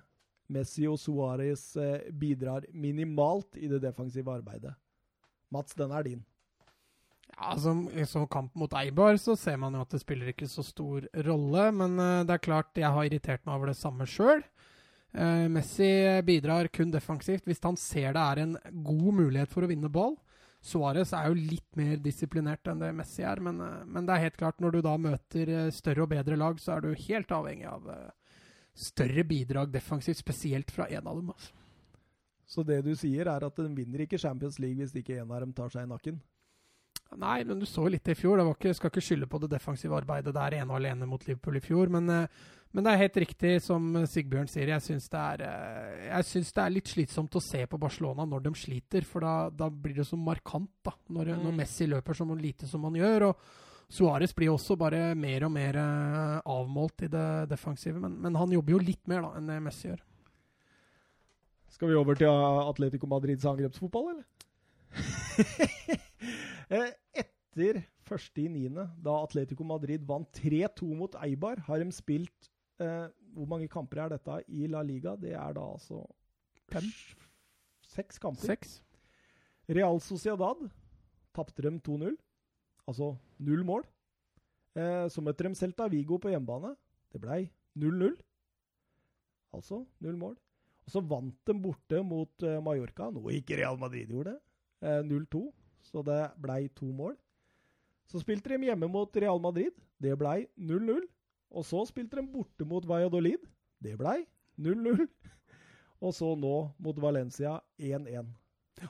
Nei, det, nei, det var som jeg er inne på. altså Grunnspillet til Atletico er jo der. Uh, men, men, det er det som skjer foran mål. altså De skaper jo nok muligheter til å vinne disse kampene sine. Uh, med, med, hva skal vi si, det vanlige 1-0-resultatet. Uh, eh, nå slapp de riktignok inn et på slutten mot Valencia på et litt unødvendig frispark, men, men det er helt klart offensivt skorter, og de må ha en spiss som setter sjansen sin. Altså, Felix er vel fortsatt toppskårer med to mål, og det Det er tynt etter åtte, åtte seriekamper. Nei, det blir jo det ni seriekamper da, som er i La Liga. Du kjemper ikke om gull da. Nei. Jeg syns det er kjedelig å se på. Jeg. For å være helt ærlig med deg. Jeg syns Atletico Madrid er bånn kjedelig. Jeg håpa Valencia skulle vinne den kampen. Ja, men jeg, jeg fikk jo ikke sett den kampen live, men når jeg, jeg, bevisst gikk for å ikke vite resultatet, for jeg frykta det skulle bli en 0-0-kamp. Uh, men når jeg så førsteomgangen til Atletico, så syns jeg det er, det, var, det er ganske sprudlende i det offensive. Andreomgangen er helt enig, den er gørr kjedelig, men da er Atletico så bevisste på å drepe kampen at de, de bryr seg ikke om, om de ikke får skapt så veldig mye, tror jeg. Mm. Litt for defensivt, syns jeg. Ja, eh, jeg syns det er bedre å gå for, for 2-0. Ja, det er helt enig, men Simione er en manager ja, som Han vinner heller 1-0 enn 5-4. Og så må det jo egentlig sies at det må egentlig stå 1-1 her etter 52 minutter. Men uh, det er jo Cheryshev som har en uh, blekkmørk dag på jobben der. Som, men, uh, men Oblak er faktisk på'n, ser du det? Jo, jeg, jeg vet det. Men, han altså, er faktisk på'n. Altså. Han skal score for det, da. Han jo, jo, jo, jo, jo, selvfølgelig. selvfølgelig. Men, men også litt for å hylle Oblak der. For den Han hadde en fantastisk redning på Parejo-skudd også. Ja. ja helt annen Oblak. Ja. Altså, Oblak er, han er en sånn spiller, eller en keeper som kan stå stille i en hel omgang, og så gjøre én fantastisk redning. Så nei, han er Kagin Lee Rødt kort på overtid. Det er den første spilleren eh, født etter år 2000 som får rødt kort i La Liga. Ja, det var eh, en, VAR bestemte det. det var, Ja, det var riktig Ja. Det var en stygg, stygg takling. Eh, Han gjør selvfølgelig ikke det med vilje, tror jeg, men eh, det blir, det blir helt feil. Skal vi over til Mallorca mot eh, Real Madrid? Når vi snakka om kjedelig i stad, da var jo det. ja, den kampen var kjedelig, den var det. Eh, 1-0 eh, blei det til Mallorca. Junior Lago med en eh, fantastisk enkeltmannsprestasjon etter sju minutter. Ja, han drar seg fint inn der og, og får lagt den i, i lengste uttakbart for Courtois. Nå har faktisk Courtois sluppet inn flere mål. Eller altså, han har, han har eh, hvis jeg husker riktig, han har 21 skudd på mål mot seg da, som Real Madrid-keeper. og Han har nå sluppet inn 11 av dem. Det betyr at han har flere innslupne mål enn han har redninger. Ja. Så eh, ikke noe god statistikk for, for Courtois der, altså. Du så kampen, du. Samme, det gjorde jo jeg òg.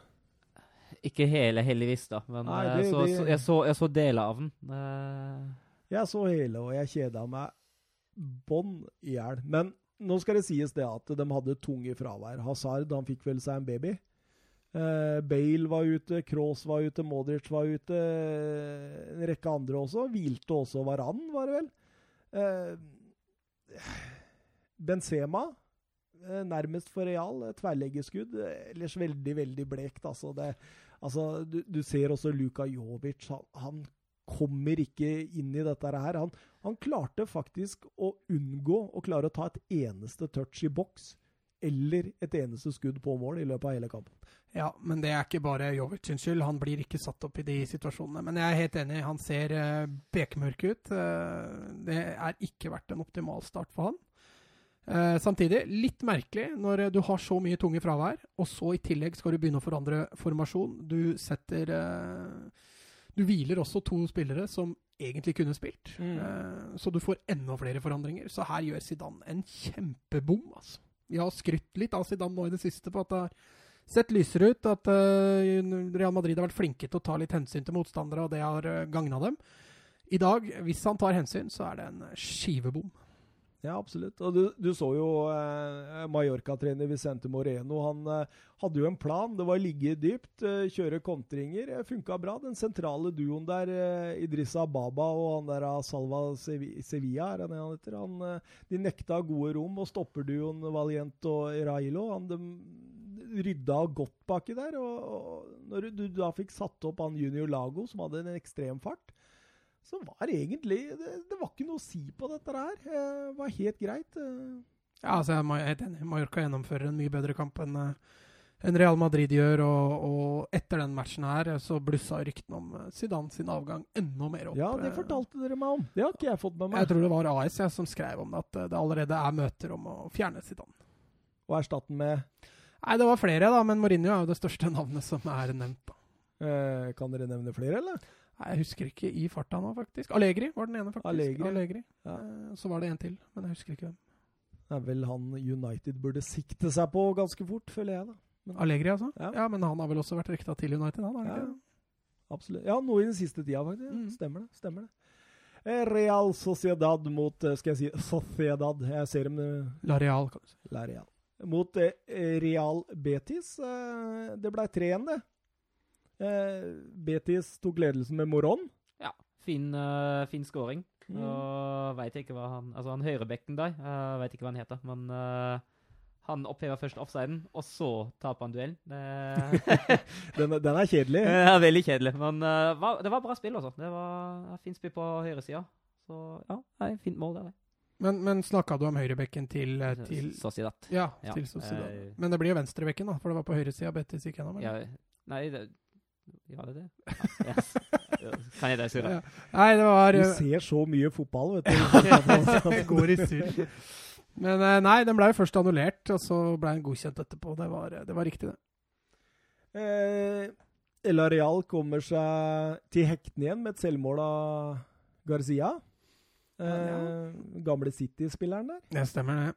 Eh, som vi også ja noen gang der. Da skrev jeg til deg. Da sa du ikke noe bloopers nå fordi du skulle se en seinere. Men der ser du også et tegn på at VAR ikke fungerer optimalt i La Liga, for at han ikke får rødt kort på taklingen på Ødegaard. Det Mm. er en skandale. Det er jeg helt enig med deg i. Vi må, må beskytte spillere. Eh, videre to nydelige mål av eh, Lareal. Eh, Ødegaard ligger bak mye, altså. Ja, han er tredje og fjerde, og, noen ganger nest og sist på, på mye av det Sociedad gjør. Så han, han er en, blitt en dirigent. Ja, han slår frisparket på 1-0. Mm. Eh, og så er han med i oppbygninga hvor han header tilbake der eh, på 1-2. Ikke 1-0, 1-1 var det. Mm. Og så 1-2. Og så, på det siste målet også, så har han jo denne lobben, da. Og det, den lobben inn til eh, Ayar Sabal, som legger han tilbake der. Med låret. Er fint. Ja, det er fint. fint. Syns uh, Ja, så har du Portu, Ødegaard og Jarzabal og der framme. Det er, en, eh, det er blitt en veldig bra trio. Jeg syns han eh, William José òg ser Ja. ut som han trives godt med de gutta der. Han har våkna mer og mer, også William José. Vi lurte jo litt i starten på hvorfor han spilte så mye istedenfor Isak. For Isak virka jo friskere i starten. Nå, nå har William José begynt å både skåre mål og, og ja, involverer seg mer i spillet, rett og slett. Martin Ødegaard fortsetter å imponere, altså. Ja, bra kamp igjen. Det, Ja.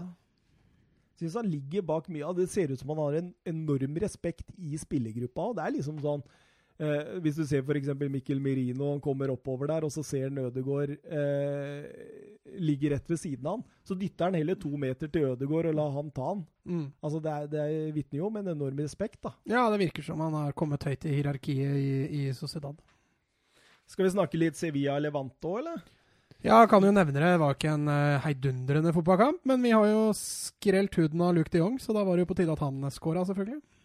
Kom inn der. Ja, kom inn. Burde ha skåret mer. Jeg hadde jo en, hadde jo en gedigen sjanse til 75, og den, eh, den må han sette. Men det er jo generelt eh, Sevilla som uh, brenner i Særlig i andre omgang, da. Ja, og Eh, generelt de Jong også. Han brenner Ja, ja, vanvittig helt- mye. Altså. Skårer vel sitt første mål for Sevilla nå i ligaen nå, Stemmer. Ja. etter åtte kamper. Men han burde hatt ti. Ja. Er- Og det er nesten litt merkelig at eh, Sevilla ikke har fem i denne kampen, minst. Fordi det var, det var et voldsomt trykk at den kommer fire minutter før slutt av Luke de Jong der, som eh, endelig, etter 21 goal attempts i, i La Liga, kommer på skåringslista. Var nok letta der når han fikk den, tror jeg. Ja, det tror jeg, altså. Ja, Det tror jeg. Han var det vraka òg. Han kom inn som innbytter. Var Chicharito som starta? Ja, altså, det var, altså Jeg var inne på det litt sist også, at, eh, at Lopetegi burde gjøre noe. For nå har Luke de Jong starta hver eneste kamp. Og han, selv om han er fin å ha i det oppbyggende, så, så er de nødvendigvis ikke så positivt når han brenner så mye sjanser som han gjør. og Han tok litt konsekvensen av det nå, Lopetegi, og kasta inn på Chicharito. 49 innlegg hadde Sevilla i den matchen der. Og da er det litt dumt å ha Chicharito i boks, og ikke det òg. ja, det kan du trygt si. Eh, men eh, Sevilla ser eh, bra ut, syns jeg. Loppetegi har fått form på dette. Jeg syns Sevilla ser solid ut. To ekstremt offensive backer. Ja, ja, ja. Altså Navas og Regilon er, de er alltid med. Navas banens beste. Utvilsomt. Jeg, jeg flira litt, for jeg, jeg så jo resultatet og, og sånt før jeg så kampen. Og så ser jeg Navas til Luke de Jong. Jeg skjønte åssen målet det var, liksom. Det, det, og når det målet kom, så var det sånn Ja, det var akkurat som jeg hadde forestilt meg. Å, søren. ja. Det neste som står på min liste nå, er Der Gråse Bundesliga. Ja, så det er godt. Si, sier man det? Grosse Bundesliga? Nei, Eller er det men- noe du sier? Man sier bare Bundesliga. Ja, Det er du Ja. som sier Grosse Bundesliga. Ja, men du kan, den store Bundesligaen, det er vel det det heter? Eller Nei. som jeg sier, altså det, du kan si det sånn. Nei, i Tyskland vi sier bare Bundesliga, vi. Ja, jeg skjønner hva Jeg skjønner, jeg skjønner det, men, hvis jeg skulle si uh, til Mats The Big eh, Premier League? Ja, the Ja, big, gra- Grammatikalsk skal det være riktig. De Ja. de går også Bundesliga. det var det jeg skulle bare fram til. Da. Ja, okay. Jeg skjønner at det ikke heter Men du har grammatikken i orden, i hvert Ja, og det, det, det var det jeg skulle fram til der. ja. Og på fredag så eh, Holdt jeg på å si Spiltes Spilte det en kamp mellom Eintracht fredag, holdt jeg på å si. Men du kunne nesten kalt det det. Kan jo, kan jo kalle det det. Eh, ja, sterke på fredager. Ja, det er voldsomt. De har vunnet eh, Eintracht Frankfurt altså, har vunnet eh, seks av de siste sju på fredag, og har kun tapt én av de siste 16. Når de har spilt på fredag. Eh, møtte da et eh, Bayer Leverkosen-lag som vi har latt oss imponere ofte denne sesongen. Eh, men det gikk dårlig, eh, Søren. Det gikk dårlig. Jeg Ligger jo- unna under allerede 2-0 etter 17 minutter. Jeg har jo eh, en fin stikker etter fire minutter på. Jeg hadde Dragovic, som ikke henger helt med på notene, litt for treig i oppfatninga, taper attpåtil duellen mot Paciencia, som da står alene med Radetski og Zetan. Og så er det samme Dragovic som uh, ti minutter seinere redda, redda et, en avslutning liggende i 16 meter med henne, og da blir det straffespark, og da er det igjen Paciencia som utnytter det og skåra. Ja. Paciencia er den første portugiseren som skårer to mål i Bundesliga siden Hugo Almeida. Det er en stund siden, det. Mm, Ja. Det tror jeg var i 2010 eller et eller annet. Ja. Eh, Bas Dost gjør eh, 3-0 der, og eh, Gode, gamle. ja. Hvor var det han bøtta inn mål? Var det Sporting? Nei. Det var i Sporting før, så var han i Wolfsburg før, faktisk. Ja, Men, eh, men, men det var i Portugal. Det var ja, Portugal. Sporting. Det var sporting. Sporting, ja. Eh, Så- Men for, i forkant av dette så har jo Frankfurt tapt en treningskamp eh, i landslagspausen 3-1 mot eh, FC Gissen. Er det det dere sier? det? Det var sånn Sharfis S. FC Gisen, tror jeg. Gis- Gießen. Som ligger som nummer 14 i regionalliga sydvest. Ja, det er fjerde nivå, det. Mm. Ja, så til tross for dette, da, så kommer de ganske offensivt ut i sin vanlige 3-1-4-2, og de gønner på fra start. Ja, jeg syns særlig første omgang gjennomfører Frankfurt veldig bra. Uh, og så trekker de seg litt mer tilbake i andre. Og så har de Leverkosen slipper jo til. De, Leverkosen kommer til slutt med 19 skudd. Uh, Mm. Frankfurt har 10, men uh, skyter fra litt dårlige posisjoner. av upresise sjanser i sjanseutnyttinga. Også av Fredrik Grønhoff, som er jo reservekeeperen bak Kevin Trapp. Har en fantastisk dag i målet og redder alt som kommer. Er veldig trykk og ja, bidrar sterkt til å, til å vinne kampen der. Ja, for det, det, det skriver jeg også her i mine notater i løpet av eh, når jeg så kampen der, at det er to klare årsaker. Det er at Leverkosen sover de første 20-25, og danske Fredrik eh, Rønhoff, da, som eh, var jo helt strålende. Ja, fantastisk kamp. Eh, etter de 20-25 minuttene så er det jo egentlig Leverkosen for alle penga, men de får jo ikke den ballen i mål. Men jeg syns spesielt da, at Eintracht Frankfurt var veldig bra når de fikk satt opp Philip Kostis, som var, Ja, veldig god. Ja, veldig bra. Og Danny de Costa òg på andre sida. Gode kantalternativer der framover. Eh, Bosch lite fornøyd etter kampen. og Han sa han hadde advart mot at Frankfurt ville gå ut ekstremt aggressivt, og at laget ikke responderte på hans advarsler. Det kan man vel trygt si. Og så, som jeg og Mats også har vært inne på, da, at eh, eh, Baumgartler, er det det han heter? Ja. Ja. Når han er dårlig, Så er Leverkosen, Leverkusen dårlig. Ja. Når han er god, er Leverkosen god. Og det var nok en gang her. Når han begynte å våkne utover i kampen, da blei Leverkosen bra. Åh, Augsburg, eh, Bayern München, eh, Søren. Ja, det var det en kar som var spesielt lite fornøyd etter kampen. ja. Vi har alle sett bildet eller, av Oli Hønes når han går inn i garderoben der. Det Rører en skjerf rundt halsen. Ja, du, du sa det sånn at du hadde ikke sett den så sint siden de Nei, jeg var jo litt på kødda, men uh, jeg husker veldig godt hvor sinten så ut da Wolfsburg slo dem 5-1 i folksvangeren i 2009, rett før Wolfsburg tok gull. Da, da lyste det rødt opp til tribunen også. Det, ja, nei, han, han har han har det med å, bli syet til dårlige prestasjoner. Så, ja, men det, det var et spesielt, uh, spesielt uh, bra bilde av ham. Og det tyder vel på at Kovac kanskje kan sitte litt utrygt nå, eller Mats?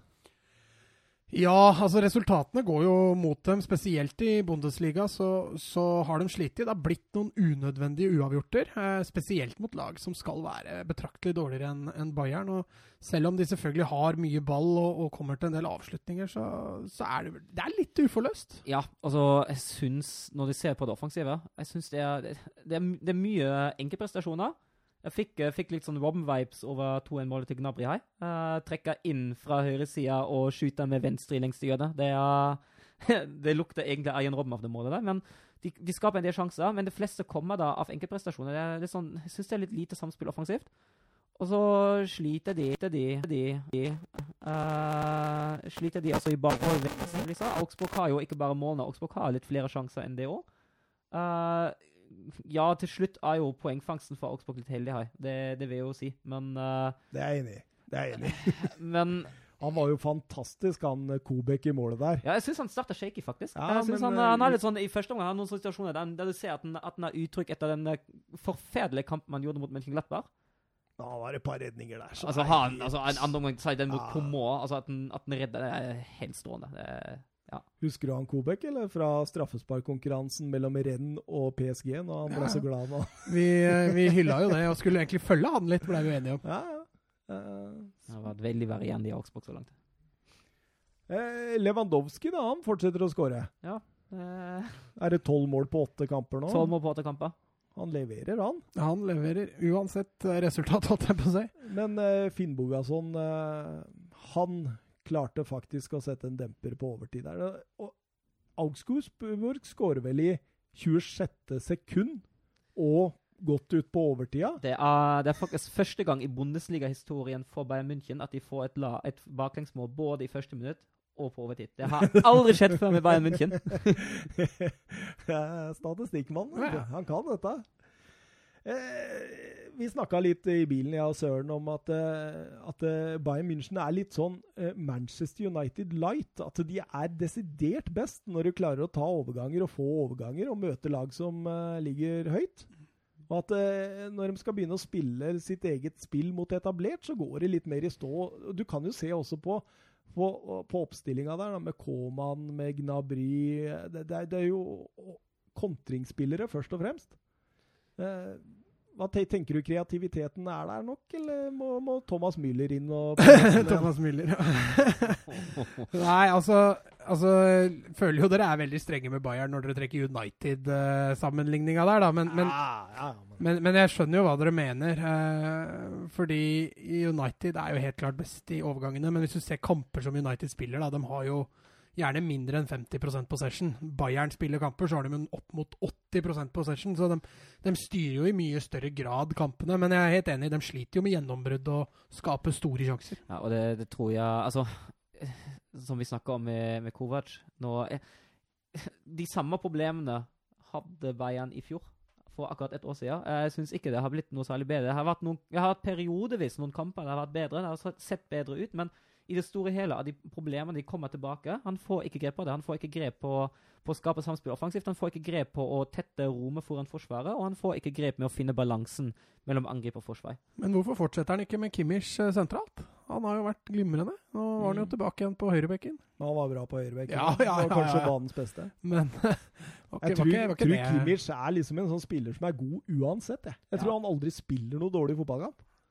Ja, nå sli, og så sliter jo Bayern nå. Har de, uh, nå de mista Sule, så nå har de eh, nå har de Boateng, Pavard, Hernandez og eventuelt Ravi Martina som de kan bruke på midtstopper. Uh, de tre sistnevnte er jo også backupper for andre posisjoner. Hernandez skal jo være, helst være litt på venstre back. Pavard kan være litt på høyre back. Og Ravi Martinez er jo egentlig sentral midtbanespiller. Så, så skal de være glad for at de ikke kvitter seg med Boateng. Ja, det kan man trygt si, kanskje. Selv om Boateng også er jo Han, har jo, han er på middagshøyden og vel så det. Ja, jeg tror jeg vil si han er over, jeg. Ja, Han godt er over. over. Godt over. Eh, Søren, går vi for gull? Tror du, hvor tror du Wolfsborg ender til slutt? Dette er eh, Han omvendte jo hun Sandra til å bli Wolfsburg-supporter her, vet du. Ja, det Og er nå, nå spør jeg om det går for gull, fordi Wolfsburg møtte RB Leipzig, eller Gressplensport Leipzig, eh, borte. Og fikk med seg et poeng, søren. Ja, 1-1. Og Ja. Det var jo, jeg må jo si det er jo fantastisk hyggelig å snakke om sånne ting. Og få sånne spørsmål. Det er jo uh, Fortsatt ubeseira. fortsatt ubeseira i, i samtlige vi er, Det er oss og Juventus som var ubeseira når du ser på alle turneringer. Uh, og så har Glasner fortsatt ikke tapt en eneste treningskamp heller. Så hvis du regner med treningskamper, har det gått 20 kamper uten tap. Og det, det er ikke så dumt, det. I eh, offisielle turneringer er det bare 11. Men, eh, Men går dere for gull, som sagt? Nei, vi, vi gjør, altså det, det, er jo, det, er lov, det er jo lov å drømme, og det er jo veldig hyggelig om, uh, om vi kan drømme litt, men vi, vi, jeg tror ikke det. Um, og med tanke på Sandra sine andre favorittlag, så hadde det vært veldig hyggelig om, om det hadde blitt, eh, blitt noe på Altså, metall, i hvert fall. det, det er jo noen ting vi gjør bra. Uh, Salig forsvar. Jeg syns vi står fantastisk bra i forsvaret. Leipzig slipper vel til to, kanskje tre sjanser, ikke noe særlig mer. Vi har det beste forsvaret i hele, i hele serien. Vi har fem baklengsmål på åtte kamper. Det, det defensive organisasjonen den ser fantastisk ut. Glasene responderer da også på Leipzigs raske angrepsspillere og ta, trekker ut uh, solide, men litt treige Robin Knorre, uh, som har spilt mange kamper på rad før det, og setter inn høyre bekken uh, Mbabo sentralt høyre i midtforsvar pga. tempoen. Det, det går ikke helt, uh, helt opp i opp, fordi Mbabo har da den avgjørende feilen før Ja. Leipzigs mål. Men så er det noen ting som vi selvfølgelig ikke gjør bra, uh, og det går jo først og fremst på angrepsspillet. Det har blitt litt bedre nå. Uh, jeg syns det etablerte angrepsspillet vårt det har vært uh, til tider begredelig. Eh, jeg syns det ser bedre ut nå mot Leipzig. Jeg syns allerede det så litt bedre ut mot uh, et riktignok forholdsvis svakt Union Berlin-lag. Um, så der er det forbedringspotensial eh, fortsatt, selv om jeg syns det ser bedre ut. Og Glassen har jo sagt etter kampen også at uansett hvordan denne kampen har enda denne, altså, Han sa innimellom altså Han sa at ja, jeg satt der og så på kampen, og så var det sånn Uansett hvordan dette har enda, dette er bra, jeg er fornøyd uansett. Og ja. han så mange ting som han kan være fornøyd med. Det kan være enig i. Um, og så er det en tredje ting vi ikke må glemme. Det er veldig hyggelig å være på andreplass, men unntatt Leipzig har vi bare møtt lag som akkurat nå befinner seg i nedre halvdel av tabellen. Mm. De store lagene kan fortsette, og det er utrolig jevnt. Det er to poeng ned til Leverkosen. Taper vi mot Augsburg uh, neste søndag, da kan det fort være Det kan være niendeplass. Det kan fort være niendeplass der, altså. Uh, men uh, ja, altså Det er veldig hyggelig å stå der, og Men Søren, det er litt som vi snakka om i bilen på vei hit også, at det, det er jo ekstremt godt organisert. Glasner ja, ja, Ja, har jo tatt tak i dette voldsomt, og så sliter han litt med det offensive. Og, og, og derfor har det, det har jo blitt noen uavgjort, ikke sant? Og det, det, det handler litt om Jeg tror ikke han finner konstellasjonen. Hvem skal danne trioen på topp med han eh, godeste Vegårst? Nei, altså det er jo, det er jo Vårt Verås som, eh, som bøtter inn. Det er jo, han blir jo ignorert av, eh, av det nederlandske landslaget. Uh, Ja, det er jo spørsmålet jeg hadde det er Luke de Jong som, uh, som får plassen hans. Uh, Verhoost har i 41 Bundesligakamper skåret 22 mål. I 2019 er det fortsatt bare Lewandowski som har skåret mer enn ham. Han har skåra fem mål denne sesongen med to målgivende på åtte kamper. Det, Og Lewandowski har tolv. ja, Lewandowski har tolv. kan nesten ikke regne med Lewandowski. Vet. Nei, altså han er for bra. Og så har du, og så har Wolfsburg til sammen skåra ti mål. han, har, han, har, han har vært direkte involvert i sju av dem. Det er 70 det. Ja, ja, ja. Har de ikke skåret mer enn ti mål? Nei, vi, vi, vi, er, vi, er- det er, vi er det minstskårende lag på, i Bundesliga fram til tiende, altså fra, fra, av de første ti lagene. Er- Ja, nei, de har, de har 11. Seks plussmål har de. ja, elleve, ja. 11-5. Ja, ja, greit, fortsatt. Men uh, ja. Få baklengs, få mål. Få Det er baklengs Få deilig, mål. Ja, det, er- ja, men uh, ja. Eh, Wolfsburg eh, Det har skjedd kun én gang at de har hatt mer poeng enn eh, 2004. Ja, 2004-2005-sesongen under Erik Geretz. Da vant vi seks, tapte to. Ja. Eh, Da hadde de 18 poeng. Ja, da leder vi faktisk, eh, Bundesliga for første gang i klubbens historie. Da var jeg på førsteplass i noen uker. Og så Ja. var det vårsesongen som gikk uh, Avsluttet vel høstsesongen på fjerdeplass til vinteren, og så gikk vårsesongen da litt sånn dårlig. Gerrits eh, Så gikk jo Gerritz fordi han krangla med ny manager, eller ny sportsdirektøren Thomas Strunz. Ja. Uh, som kanskje er mest kjent av en tordentale av Trappatoni på 90-tallet. Å, Den husker jeg. Den husker jeg, Ja, altså. og så begynte på en måte nedturen, for i sesongen etter er vi jo, redder vi oss på, på siste Ja, på siste Mm. runde mot Keiserslautern. Så det, ja, det var gøy så lenge det varte i 2004. Nagelsmann ekstremt fornøyd med de første 60, sier han. Syns de var solide da. Meget misfornøyd igjen med de neste 30. Jeg syns det ble altfor hektisk. De klarte ikke å holde på ballen, og at eh, Wolfsburg eh, sakte, men sikkert spiste seg inn i kampen og skapte en del sjanser. Ja. Jeg, jeg snakka også litt med deg på forhånd at jeg, jeg digger Nagelsmann. Han forteller sånn det er. Mm. Hver eneste gang. Har du merka det? Mm. Det er aldri noen sånne unnskyldninger eller bortforklaringer. i form Han forteller det som han er. Da det er jeg jo- Det er jeg bra eh, fornøyd med. Der fortjente vi uavgjort. Der fortjente vi å tape. Han er veldig sånn. Men, eh, men eh, han er, Nagelsmann fikk jo en fantastisk start på Det har gått litt trådere for nå. Det har blitt litt mindre, mer missaktsytinger både fra Nagelsmann og også de litt rundt. Fire kamper på rad uten seier. Mm. inkludert Inkludert Champions League-kamp mot Lyon. Men fortsatt med i gullstriden. Ja. Det, halve ligaen er jo i sine, hvis du sa det sånn. Men eh, det som jeg syns var, var litt overraskende, var egentlig altså, De leder 1-0. Vi må lenger fram. Vi går lenger fram, altså Wolfsburg. Og så og så blir det lite kontring fra Leipzig. Jeg syns det kommer, kommer veldig lite etter at de leder. De trekker seg veldig tilbake, blir veldig, veldig passive. Uh, det er jo et lag som egentlig er kjent for at det går kjapt i lengderetning. og det er jo De går jo veldig kjapt på 1-0. Det er jo faktisk keeperen Gulashi som har assisten der. Som slår den lange pasningen. Så ja. Men eh, det kommer, det kommer lite etter scoring. Altså. Det, jeg skjønner at han er, at han er misfornøyd. Vi må videre i programmet. Vi er Borussia Dortmund mot eh, Borussia München-Glabach. Det ble 1-0. Eh, Marco Royce etter eh, 58 minutter. Jaden Sancho ikke med i troppen. Nei, han ble holdt utafor, han. Kom for seint hjem fra landslagsoppdrag. Ja, Litt gufs tilbake til 17-18-sesongen, da han ble flytta ned på U23-laget, Søren. Ja. Eh, og så hadde han ingen av de da i forrige sesong. Det gikk jo eksepsjonelt bra for ham også. Og så har han, eh, han noen glimt av sånne udisiplinertheter igjen. og Klubben sier jo at det ikke er en stor sak, uh, men at de, ønsker at, han, at de ønsker å oppdra ham til en uh, spiller med fullstendig profesjonalitet. Ja, Det var vel ikke så mye mer å forvente fra Dortmund enn det de sa der. Du kan jo ikke gå ut og hogge huet av en uh, 19-åring. Du må prøve å dysse det litt ned, og så prøve å irettesette den så mye som mulig. Så det var, jeg tror det var godt håndtert av Dortmund. Ja, helt så, så, le så lenge de vant òg, da, tenker jeg. Ja. Altså, Hadde de ikke vunnet, så hadde jo spørsmåla kommet. Mm.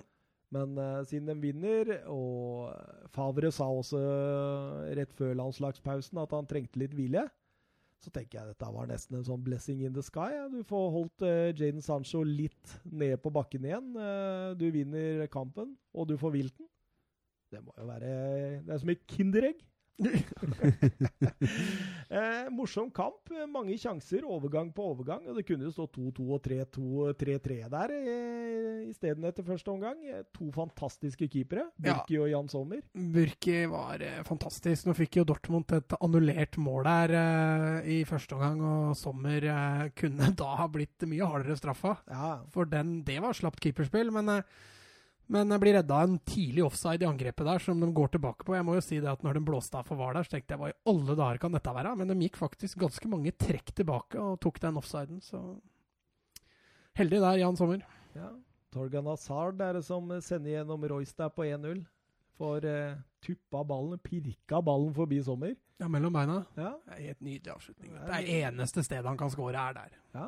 Niende mål mot uh, Borussia München Gladbach. Gamleklubben, ja. Ja, så han uh, skårer mye mot uh, Ja. de gamle. Kjedelig, vet du. Ja, Litt kjipt for Torgan Hazard, som feira veldig etter den skåringen som blei annullert. Ja. Mot gamleklubben. Roa seg litt etter eh, Borussia Dortmund, mener jeg. De har nå skåra i 29 Bundesligakamper på rad på hjemmebane. Eh, andre ellevte 11. venter Wolfsburg på Signal Iduna. Nei, Den blir tøff. Men, vi, to, eh, vi får se om, om vi fortsetter ubeseira etter den. Men det må jo sies at uh, Mikkel Gladbach burde jo ha fått et straffespark etter 72. Det er jo Hummit som uh, Ja, stemmer det. stemmer det. Herman. Uh, Herman står jo alene med mål. Og burde egentlig sette den, og så blir en uh, lagt i bakken av Hummels. Så det burde ha blitt straffe, og heller ikke ha sjekkes det av VAR, av en eller annen grunn. Uh, Syns det var rart. Fungerer ikke optimalt i Bundesliga. Nei, det, det gjør ikke det. det, ikke der. det, jeg syns det fungerer bedre enn i Premier League, men uh, fungerer ikke optimalt. Og det, da burde Mikkel Gladbach ha fått et straffespark. Ja. Noen få ord om Hoffenheim-Schalke. Det ble 2-0, det. Eh, Ja, På den tida når de spilte, så hadde Schalke mulighet til å ta over eh, ledelsen i Bundesliga. For andre gang på to kamper. Mm.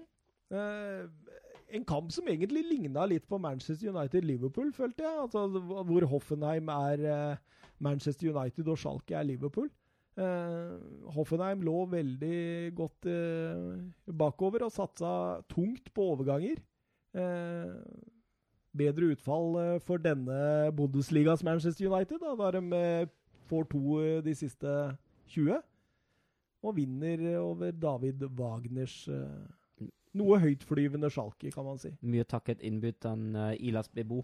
Ja, han var god! Fantastisk solo uh, før Kramers scoring. Uh, Hvor, hvorfor ikke Kramaric går til han og sier tusen takk? Det er nesten helt utrolig. Ja, uh, At han løper forbi den for å feire, liksom.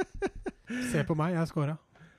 Eh, 2-0 også er jo han som eh, omtrent gjør på egen hånd. altså, ve veldig bra. Eh, altså, må det må rose Nybel, Schalke-keeperen, også før 1-0. At han redda den der, som faktisk går via en annen spiller. Det er, det er en stor redning. Det er, det er synd for ham at det blir baklengs likevel, for den, den redningen den, den var stor. altså. At han får på noe der. Det er godt jobba. David Wagner sa etter kampen at vi er ikke vant til å spille mot eh, lag som ligger så dypt, eh, men vi skal lære av det. Var veldig, var veldig klar på det. Jeg tror Wagner ser på dette som en sånn mellomsesong. At det er litt sånn OK, nå skal vi sette det, og så skal vi ta steg neste år. Ja, det, er jo, det er jo ingen som, som forventer at Schalke Eller det er ingen rundt klubben som forventer at Schalke skal gjøre det sånn eksepsjonelt bra. Hvis de havner, havner sånn midt på åttende, niende, tiende, er, jeg- er det helt greit for dem. Så lenge det, det som forventes av Schalke, er på en måte at spillet blir bedre. At det ikke blir uh, Ut, utvikling. utvikling. At det ikke blir det samme som forrige sesong. Og da tror jeg alle rundt klubben er fornøyd. Og hvis det blir, hvis det blir internasjonalt spill likevel til slutt, da er det er egentlig helt optimalt, det. Ja, de er jo bare litt dårlig målforskjell unna en eh, Europa League, eller en Champions League òg. Nei, ikke Champions League, en, Europa League. Mm. Så de er i nærheten, sammen med åtte andre. Et eh, lite Twitter-spørsmål er fra Sander2CV. Lurer på om det er den gamle bilen. Jeg har kanskje lurt på før òg. Ja, du får spørre han. da. Ja. Eh, Ellevill topp ni i Bundesliga. Ellevill med capslock. Eh, to poeng skilnad. Det er svensk, dette. Eh, på første- og niendeplass. Styrketegn for ligaen eller svakhetstegn? Jeg, Jeg stiller spørsmålene, du svarer. OK. Det er et fantastisk spørsmål. Uh, altså Syns jeg det, det det er vanskelig å, å svare på det. Ja, altså, det, du, hvis, altså Jeg er litt sånn Ja, jeg er helt enig med Søren. Det er veldig vanskelig å svare på. Men hvis du ser Champions League, da, så sliter jo de tyske laga. Eh, Bayern har gjort det veldig bra, selvfølgelig. De har jo mye erfaring der også. Dortmund har gjort det OK, men, men Leverkosten og, og Leipzig sliter jo litt. Eh, Leipzig har vunnet én, tapt én. Uh, Leipzig jeg syns jeg går litt langt å si at de sliter. Uh, Leverkosten er jeg enig i, men uh, problemet til Leverkosten er jo den første, første tap mot Lokomotiv Moskva. Mm. At de ikke går seirende ut mot Juventus og Atletico, det, det er greit nok, men ja. Nei, altså Bayern vinner 7-2 borte mot Tottenham. Det sier seg jo sjøl at det er, et, er et bra resultat. Og det ligger jo på tredjeplass i Bundesliga, så det er ikke akkurat sånn at uh... Jeg, sy- syns det er et vanskelig, vanskelig spørsmål, som du sier. Altså, altså går det litt sånn bopp-bopp i Europaligaen også. Jeg syns ikke det går eksepsjonelt bra, det går ikke eksepsjonelt dårlig heller. Sånn, internasjonalt, det går sånn, det går sånn helt greit. Um, men altså det, det som jeg i hvert fall kan si, er at i Tyskland har vi etterlyst spenning veldig lenge på toppen av Bundesliga, fordi Bayern har vunnet til dels med eksepsjonelt store marginer år etter år etter år.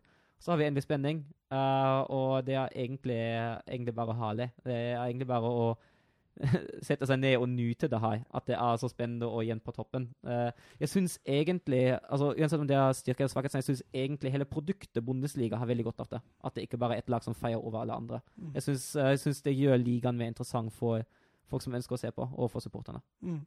Det er vanskelig å være uenig i. Ja. Minste margin mellom eh, første- og niendeplass uh, uansett liga, siden eh, det var to poeng for seire, eh, innført i 1994, at det ble eh, tre poeng per seier. Så det sier litt da, om hvor jevnt det er. Altså, du har eh, Borussia München-Gladbach på topp med 16, Wolfsburg 16. Eh, kommer tre på 15 der, Bayern München, Dortmund og RB Leipzig, før det kommer fire på 14 med Freiburg, Schalke, Frankfurt og Leverkosen.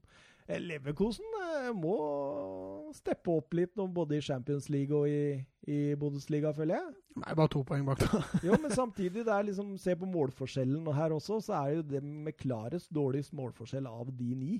Jo da, det er jeg for så vidt enig med deg i, men det er jo det, et av de lagene som skårer også mm, flere, da. Så de har jo skåra tolv, tror jeg, hvis ikke jeg tar rett feil, Leverkosen, så Men jeg er helt enig. Leverkosten må stepper up Skal vi litt over til Serie A. litt. Lazio-Atalanta 3-3. Eh, fantastisk eh, morsom kamp. Og opphenting. Ja. Selv om eh, Duan Zapata ble skada i landslagspausen. Eh, frykter eh, litt lengre skadeavbrekk der, men Luis Muriel, som du også har slakta i denne podkasten tidligere ja, for innsatsen i Sevilla, ja. ja, jeg har ikke slakta han for innsatsen i Atalanta. Nei, han tok eh, ansvar, han. Han gjorde det. Skårte 1-0 eh, gjennom på, helt i hjørnet, og 2-0 på frispark, som gikk gjennom hele feltet. Da, sånn. ja. eh, Gomez satt 0-3 der, og da trodde jo alle at eh, Men Atalanta har vært veldig gode i førsteomgangen Ja, før. De er et sånt førsteomgangslag. Eh, men Lazio kommer eh, sterkt tilbake. Eh, får først et straffespark som i- Immobile setter. Eh, Correja eh, 2-3 eh, rett etterpå. Og så eh, Immobile på straffe igjen På overtid. på overtid. Insagi eh, må ha brukt en eller annen hårføner i pausa der, eller? Ja, men jeg tror Lazio også reddes veldig at de får to kjappe der i Mm. rundt 70 minutter. Eh, for da kommer jo trua på det med en gang. Altså, Eh, de stanga jo lenge, Lazio. Og så brenner jo Gommes seiersmålet på slutten der. Eh, han, må, han må avfyre den kampen der. Eh, ikke, noe, ikke noe tvil om det. Mm. Helt enig. Ja, absolutt. Eh, jeg syns jo Altså, Lazio også. De tar jo seg voldsomt opp i annen omgang, syns jeg. Fordi det, det går jo hurtigere. Det går inn bak hele tida. Færre touch. Uh, du ser eh, samhandlingen mellom eh, SMS, eh, Immobile og Korea blir mye bedre. De sender hverandre ut på løpeturer hele tida. Jeg syns Immobile har jo faktisk en kjempekamp. Mm. Eh, litt morsomt så du når han prøvde å dra av seg drakta på Han fikk ikke av seg drakta i feiringa, så den Det var faktisk ganske morsomt. Eh, Er ikke du Lazio-fan, da? eh, sånn opprinnelig så er jeg litt sånn eh, Det var det Men det var jo fra barndommen av disse også. Når eh, Paul Gascoigne gikk fra Tottenham til Lazio, så måtte jeg også følge Paul Gascoigne. Ja. Og derav blei det Lazio for meg, altså. Tunge stunder for eh, de ja, siste åra. Husker husker da jeg var yngre og skulle ha et lag i Italia, så valgte jeg Torino. For jeg, Ja. syns, jeg syns så synd på Torino, fordi Juventus var så jækla mye bedre enn dem. og så kom de liksom fra samme by. Jeg syns det var så urettferdig da jeg var liten. Så da tenkte jeg, skal jeg Men, på men har du noen andre lag du i- sånn egentlig følger, annet enn eh, Lillestrøm og Wolfsburg? Jeg heier litt på Barcelona. Ja, Ja. ja. det sa du vel kanskje forrige gang? Ja, kanskje. Jeg veit ikke. Men Når eh, du heier på sånn, to sånne relativt dårlige lag historisk sett, Ja. så må du ha et alibi. ja, kanskje det. kanskje noe for å utjevne. og det er jo egentlig har vært De siste åra har det jo vært Barcelona som har skapt på en måte minst trøbbel sånn uh, fotballhelgemessig. Men uh, Ja. Wolfsburg kommer seg litt. Lillestrøm uh, Det er stadig sorg. Men uh, sånn er det. Uh, Vårsborg går jo Det går jo har jo gått veldig opp og ned de, de siste 10-15 årene. Med alt fra veldig høyt oppe til veldig langt nede. ja. Tenker det er litt sånn i forhold til Atalanta og Gasperini der. Skal kunne drepe den kampen. Jeg men syns ja, de det er- satser like offensivt i Ja, annen men det omgang. er det. Det er, det er ikke det litt sånn DNA hans? Det, Ja, er dette det. skal Altså, skårer vi én, så skal vi gå for to. Og skårer vi fem, så skal vi gå for seks. Så det, er morsomt, da. det er morsomt. For en nøytral tilskuer så er det jo helt nydelig. Eh, Napoli, Hellas, Verona. Der var eh, Milik tilbake. Ja, første skåringene siden april. Det var litt sånn, eh, litt sånn den helgen. Der har jo alle som skåra sitt første siden, uh, siden januar. Har Alonso som skåra sitt første siden april, og så har det Lallana som skåra sitt første jeg tror siden det mai Mai 2017. 2017, Ja, det er, Mm. ja, så det var litt, litt sånn comeback-målskåra-helg, det her. Ja. Milik eh, snakker jo også om ny kontrakt nå, at han vil bli der. og eh, Veldig positivt det. Skårte også for Polen mot Makedonia i landslagspausa. Eh, han eh, Det er veldig sånne Ruud van Nistelrooy-mål han skårer, da. Han flikk inn på 1-0 der, og på første stolpe etter frispark på 2-0. Skal jo skåres, de òg, vet du. Ja, skal det. Eh, så du trippelredningen til Alex Meret, eller? Ja, sterkt. Veldig. Begynner det å seile opp til å bli en av de neste store, store keeperne? Men er ikke han litt undervurdert? Jo, det er det jeg mener. Ja. Begynner han virkelig nå å ta altså kommer, kommer vi til å snakke om han sånn i topp ti-diskusjonen om verdens beste keeper i Ja, altså Hvis han fortsetter sånn han har starta nå, så er det jo ingen tvil. Jeg syns han er fantastisk god. Altså. Virker sånn solid. 22 år. 22 år. Eh, Angelotti ja, var litt lei av å ikke skåre mål i eh, siste tida. Sa det at eh, hvis vi ikke hadde skåret i denne kampen, hadde jeg ringt Zlatan. Zlatan har jo ytra et ønske om å Returnere. returnere til Serie A. Så får vi se, da. Åssen tror du han hadde klart seg der nå? Sikkert helt, sikkert helt greit. Altså, han er jo fortsatt en god spiss nå, helt så lenge han får, får sjansen. Jeg- Jeg har en, jeg har en drøm, jeg. Jeg har en drøm. At han går inn i Brescia og spiller på topp med Balotelli. Ja, Ah! Tidens mest overlegne spiss, du, eller? Eh, videre over Juventus Bologna. Det, der blei vel tidenes styggeste mål skåret, vel. 2-1-målet til Pjanic der. Ja, det var bra satt, da. Men ser du Ronaldo snubler i Det er humor.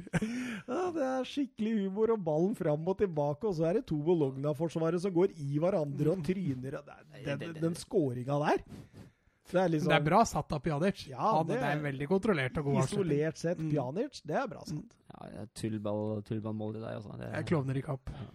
Ronaldo skåret sitt 701. mål, 1-0 der. Eh, dumt av Ane Bolognas venstrebekk er vel eh, han heter, som prøver å dempe ballen og legge den til rette for Ronaldo.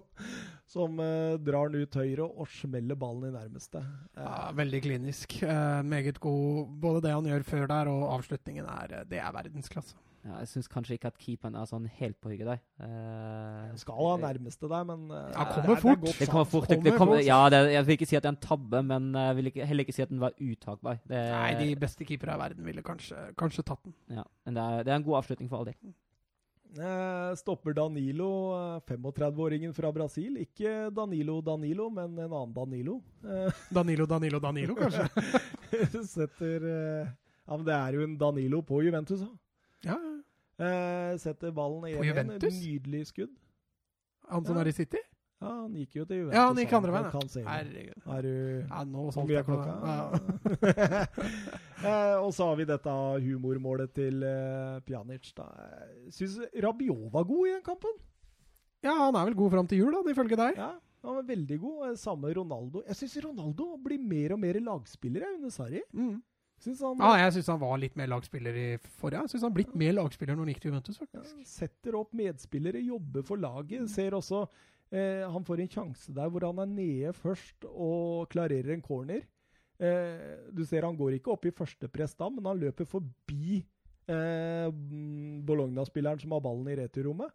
Og bare står og er klar til å ta den kontringa. Og får en nydelig kontring også. Han, Mm. eh, fantastisk. Jeg syns Ronaldo er bra. Eh, det var årets statement. Jeg syns Ronaldo er bra. Blir det overskrifter i VG? Eh, men jeg syns også Juventus også det er, det er ikke voldsomt imponerende, dette her, altså. Nei, nå tror jeg Inter blir seriemestere. Ja, du Hørte du det, Fredheim? Hørte du det? Eh, redningen til Buffon på slutten her, da, skal vi si noe om det? Ja, matchvinner i hvert fall. Ja. Gode, gamle. Federico Santander der, som får en dobbeltsjanse. Var det ikke han som var og ståla Jo. i FCK? Stemmer. Eh, Ja, nydelig redning der et- rett inn. Ja, han har re- reaksjonsevnene fortsatt i orden, i hvert fall. Absolutt. Eh, videre til Sassolo mot Inter Milan. En ja, Hva kan du si? Målrik. Målrik kamp. 3-4. Eh, Martinez og Lukaku deler eh, Inter-måla. Eh, Berardi skårer sitt sjette på seks kamper. Også meget god. Eh, Inter leder jo 1-4 der før eh, Sassolo Rakner litt. Ja, de rakner litt. Tror jeg Altså, liksom- Inter har vært liksom solide defensivt i nesten hele året. Var svært overraskende å se, for jeg gikk Jeg var ute, tror jeg, når jeg så at det var 4-1 til Inter. Da jeg kom tilbake, så var det 3-4. Jeg tenkte hva i alle nå må de ha fått et rødt kort eller et eller annet. Men uh, det hadde rakna litt. Og Sali 3-4-målet, der går han jo eh, Der får han jo skåre. Altså, fantastisk gjort. Fin solo. Men han går jo forbi fem ganske passive interspillere der. Altså, altså Juricic som skårer 2-4, han står også Det er tre spillere rundt den, og så får han avslutte likevel. Altså, virker litt som om de tok seieren litt på forskudd av bakover, egentlig. Jeg syns det var ganske dårlig og passivt, de bakingsmålene de fikk. Inter et lite gufs. De har jo ikke vunnet på fem kamper mot Sassolo der, så det kan godt hende De følte det. Ja, kanskje følte litt på det. Konto hadde jo Han kunne ikke ta intervjuene etter kampen. Han eh, hadde skriket seg tom for stemme. Så- Ja, men at det gikk en hårføner der i andre, i, etter andre omgang, det, Ja. det er innforstått, tror jeg. Så i intervjusammenheng etter kampen så stilte assistenttrener Christian Stellini opp og måtte ta alle intervjuene. Han kunne ikke prate. Eh, mye, mye diskusjon rundt dette hvorfor eh, Lukaku og Martinez deler på straffesparka der. Conte ble spurt eh, Han hadde visst sagt at eh, dette velger spillere sjøl. Det Men det, det gjør også jeg når jeg er trener, at jeg gir et par alternativer, og så kan de få lov å bestemme. Det hender jeg gjør det. Ja. Um, Det var litt sånn Det er Eto, sånn Eto og Milito gjorde det før i tida, husker jeg. ja, men det kommer også litt an på om du føler det. Husker jo det når jeg var spiller sjøl, at noen ganger så følte jeg at dette, nå scorer jeg, liksom. Og så noen ganger så følte jeg at nei, faen, i dag har jeg ikke dagen. Da er det kjekt å kunne gi fra seg. Men uh, det er klart, uh, når de gir fra seg De har jo hvert sitt mål uansett, og da er det jo greit å dele på det. Jeg tror Contes store utfordring, sånn han ser det nå, Det er trioen bak. Han De Frey og Skrinjar stort sett alltid bra. Men han vet ikke om han skal velge Bastoni eller Godin. Nei, altså Bastoni er en bedre ballspiller. Ja. Eh, Godin er en bedre duellspiller. Eh, og du så jo det også nå i Barcelona, i Champions League der. Han ofra jo Godin tidlig for å få inn en mer ballspiller i andre omgang der. og det, Nå var det vel Bastoni som fikk muligheten mot uh, Sassolo. Og var ikke veldig god, faktisk. Nei, han sleit. I hvert fall i andre omgang. Hva tror du om Inter-Juventus-duellen? Det er jo de to det står mellom. Nei, altså jeg må jo si meg enig med at jeg tror Juventus tar det, men jeg syns også at Inter ser Ut ifra det jeg ser, og jeg må jo innrømme at Serie A er den ligaen jeg følger minst med av de, av de store fire, men Ja, for hadde du fulgt med, så hadde du Nei. Nei, altså det, det jeg ser av Inter, det ser, det ser bra ut. Uh, men altså, jeg, jeg, tror det er Juventus som, uh, som, avgjør, dette her til slutt. altså. Jeg tror Juventus er såpass solide at de tar gull. Hører du det, Fredheim? det blir jevnt. Eh, vi skal ha et Twitter-spørsmål, vi fra Didrik eh, Tofte Nilsen. Er ikke ansettelsen av Stefan Pioli i AC Milan dømt til å bli en katastrofe? Jo. Da går vi over til eh, Milan mot Lecce, som ble 2-2. Shalanoglu satte 1-0. Shalanoglu som var en fantastisk Han var helt fantastisk i den kampen. Ja, herregud. Eh, Babakar setter 1-1 eh, på et straffespark som han først brenner og setter returen. Eh, 2-1 Pjontek ti minutter før slutt, og da trodde man jo AC Milan dominerte kampen ganske kraftig. At dette skulle gå, men Calderoni setter 2-2 på et langskudd på overtid. og Det er jo fryktelig for Stefano Pioli, som hadde sin første kamp som manager for AC Milan. Ja, eh, tilbake igjen til, til, spørsmålet. Var det Nilsen som hadde det? Mm. Um, altså Det som gjør at jeg er litt tvilsom til det, er jo det at nå henter de inn en ny trener med en ny filosofi igjen. Altså bytte sånne til fram og tilbake midt under en sesong. Det er jo utgangspunktet dømt til nederlag. Når det er sagt, da, så har jo Milan bra nok spillere til å kunne spille stilen til Pioli også. Så han, han har muligheter til å lykkes. Men den klubben, når du ser historisk sett, så er den jo dømt til å mislykkes. Han er jo arvtaker for Marco Giampaolo, som fikk sparken etter sju kamper. Det er ingen som noen gang har sittet kortere tid i managerstolen i AC Milan enn dette. Det er sterkt. Det er sterkt gjort. Pioli skrev under en toårskontrakt som kan kanselleres etter sesongen hvis AC Milan ikke når Europa. Så det er en Såpass, liten ja, ja. Det er en liten uh, hake i dette. Uh, Pioli har trent en haug av klubber uh, fra før av, men uh, sjeldent vært der mer enn ett og to år. lengste er Bologna fra, historie, fra perioden 2011 til 2014. Og etter det Lazio, Inter og Fiorentina. Han er bl.a. Uh, kjent for mannen som fikk fram uh, Chiesa. Ja. ja. Da, det er ikke en dårlig jobb. Nei, jeg, jeg har hørt også prøvd å sette meg litt inn i det. og Det er flere som sier at han er ekstremt god til å jobbe med unge spillere. Og at det er litt den retningen AC Milan ville ta litt nå, da. Og så gir hun en, en ettårskontrakt der du kan si opp etter et år? Ja, det er litt sånn spesielt, men uh, jeg, jeg, jeg, ser jo det er enkelte AC Milan-fans som uh, ville ha han ut den dagen han fikk sparken. Nei, fikk ansettelsen. og det er enkelte som sier at uh, de har litt trua på dette, for han er litt sånn de trenger litt, på en måte. Uh, litt så flink til å jobbe med det han har. Uh, setter ting godt i system. En 4-3-3 hvor han er veldig flink til å, å, på en måte organisere defensivt, og samtidig velutvikle det offensive spillet på en god måte. men jeg tenkte jeg skulle se litt på dette med, med oppsettelsen av Milan. Da. Fordi altså post uh, Max Allegri, da han fikk sparken i 2014, så har det forsvunnet åtte managere, tre eiere, og de har så vidt unnsluppet konkurs. Uh, det er dette Pioli kommer til. Uh, de leverte også blodrøde tall nå på halvårsrapporten. det var sånn voldsomme tall, liksom. Ja, vi snakka jo om det i sommer òg. Ja, hvordan de og, kunne holde på. Og det er den eneste klubben omtrent som har uh, mindre inntekter nå enn de hadde for 20 år siden. Såpass? Ja, så de, de har flere utgifter og mindre inntekter. Så det, det, det, ligger litt sånn Altså, Det eies jo fortsatt av dette hedgefondet som tok over etter han kineseren som tok opp et lån Mm. i det, og tydeligvis ikke hadde, var kredittverdig nok til å eie en fotballklubb. Eh, Li Jung-hong heter han. og han, eh, han hadde jo ikke råd til å drifte, lånte penger av dette hedgefondet, og dette hedgefondet krevde jo klubben til slutt, for han kunne ikke bet, tilbakebetale. Så for en ekstremt billig penge, da. Så nå sitter jo de og eier dette. og han, eh, Ivan Gazidis han er shareman. Det er han som uh, var med Wenger i Arsenal. Ja, ja. Eh, og så har de presidenten i Scaroni og, uh, en uttalt manager i Sonovin Boban, husker dere han? ja, ja. Gammel Milan-helt, det. Ja, og han eh, var en av pådriverne til å sparke Gianpaolo. Han var også utelatt fra ansettelsesprosessen med Gianpaolo. Så han er, var veldig sur på det hele veien. Eh, videre så er det Fredrik Massara, eh, Andrea Romero og Paolo Maldini som er technical director. En eh, Maldini i den rollen som Zlatan har eh, kritisert i de siste tider. Sagt det at han har ikke noe i en sånn stilling å gjøre. Han var en god spiller, Mm. Men uh, har ikke noe der å gjøre. Åh, hva, hva tror dere om dette her? Nei, det, du eh, legger jo en veldig negativ tone over det, da. Eh, Begrunna også, da. Åpenbart. Så det, det virker som et lite luftslott, rett og slett.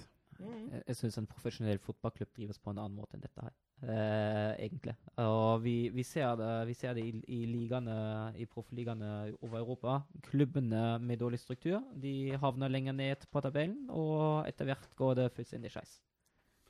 Hvor blotrøde tall snakker vi om, da? Det er sånn snakk om eh, Hva var det jeg leste? av? Eh, Det er milliarder, liksom. Det er, det er, I norske kroner så tror jeg det var 100 og, nei, 1,34 milliarder eller noe sånt Ja. i negativ eh, Så selv om de kommer til Europa, så blir de kasta ut igjen, da. eh, Det er jo en sjanse for det, da. Faktisk. Fordi det er så blodrøde tall, og det må snu denne trenden. Det må sannsynligvis selge noen spillere òg. Ja, Men de kjøpte jo som bare det som Ja. Jeg fatter ikke hvordan det der skal gå rundt i det hele tatt. Eh, eh, han, eh, jeg tror han heter Singer, han eh, sharemanen i dette hedgefondet. Han, har- han er jo billionær, så han har jo egentlig så mye penger å ta, eh, sette inn i den klubben som han bare vil. Men poenget er jo litt dette med financial fair play og sånt, da, som de må forholde seg til. Så det, det blir spennende å se hva som skjer i den klubben framover. Men det Altså. er ikke så veldig interessant å, å investere i en klubb som bruker mer penger enn det de tjener. Nei, altså ja. Enhver businessmann veit at det, der er det jo bare å holde seg unna. ja, absolutt. Så her må jo Milan ned på, på grasrota og begynne litt på nytt, tror jeg. Jeg tror det.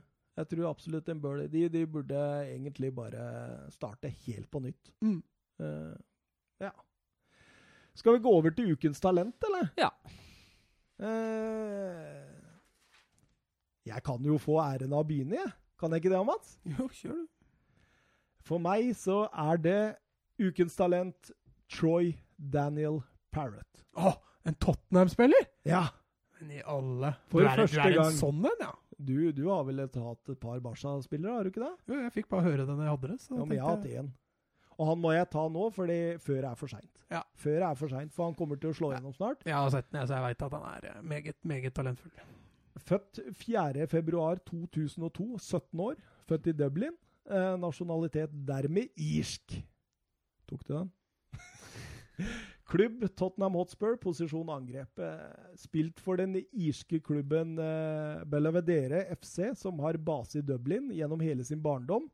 Eh, klubben har fostra opp spillere som Matt Doherty, eh, Wes Houlihan, eh, Mark Kennedy og Stephen Kelly, for å nevne noen. Og det er veldig imponerende for en så liten klubb, som ikke er i nærheten engang, å være oppi, eh, oppi eh, Jeg tror liksom dette er, dette er strømmen-takter, Mats.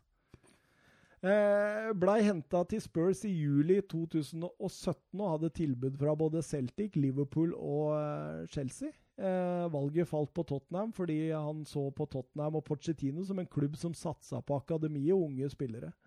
Eh, Parrott har bøtta inn mål for U17, U19 og til og med har tre mål på to kamper for U21-landslaget til Irland.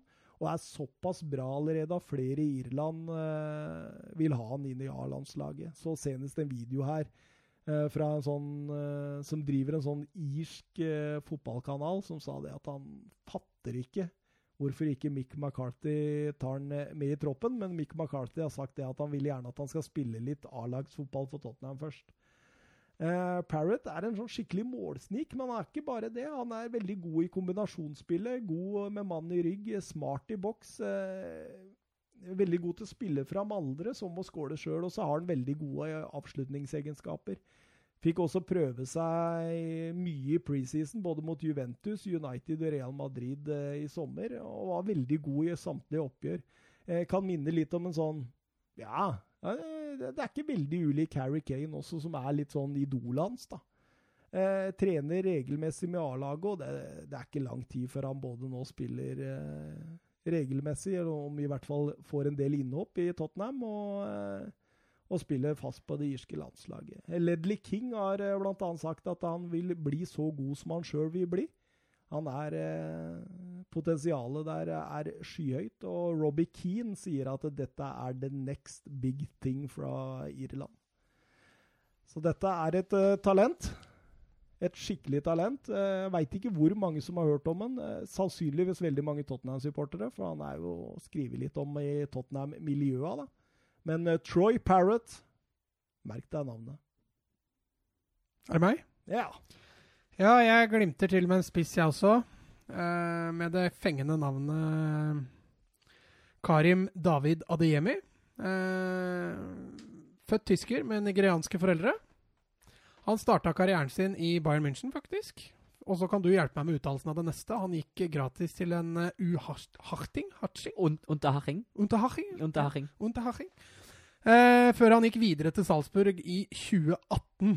Eh, Karim han er, eh, han er født 18.1.2002. Det betyr at han er bare 17 år i øyeblikket.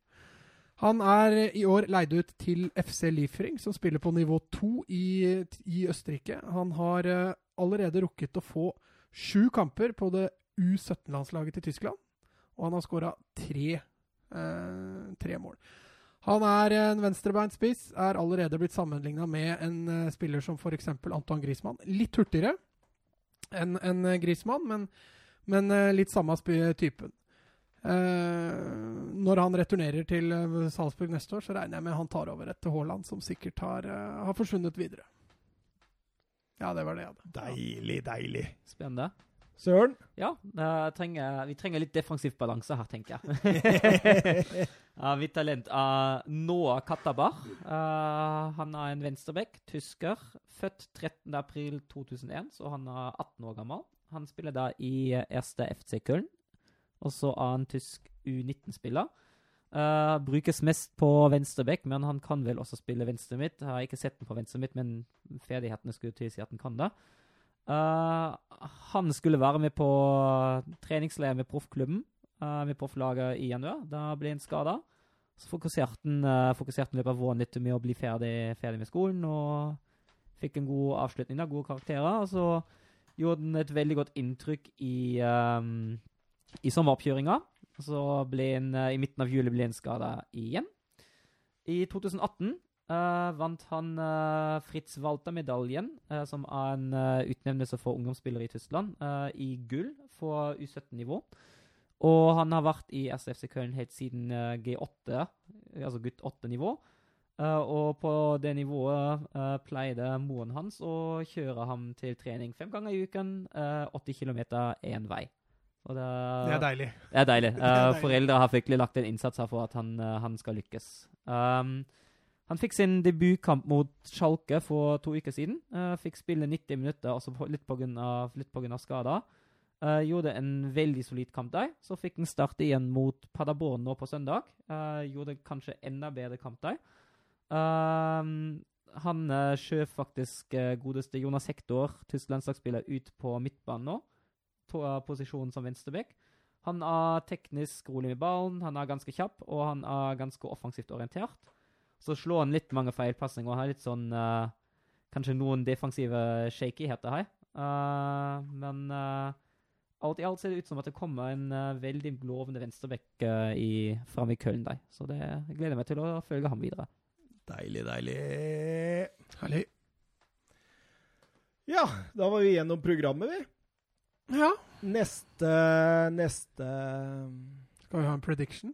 Nei, det, det drar ut såpass mye. Vi, kan- vi, vi kan bare tippe resultatet. Eh, Hovedkampen Vi snakka om at det blir Liverpool-Tottenham. Ja. Eh, tipper resultatet, Søren? 2-1 til Liverpool. 3-1. Til Liverpool? Mm. 2-0 til Tottenham. Er det med hjertet eller med hodet du tipper nå? Eh, begge deler. Eh, skal vi bare si ha det bra, eller? Ja. Det var hyggelig, Søren. Det var veldig hyggelig. Takk Ja. for at jeg fikk være med igjen. Ja, ja, og du kommer tilbake, du. Veldig gjerne. Det gjør du, altså. Dette er gøy. Dette er gøy. Veldig. Ha det bra, alle. Adjø. Ha det.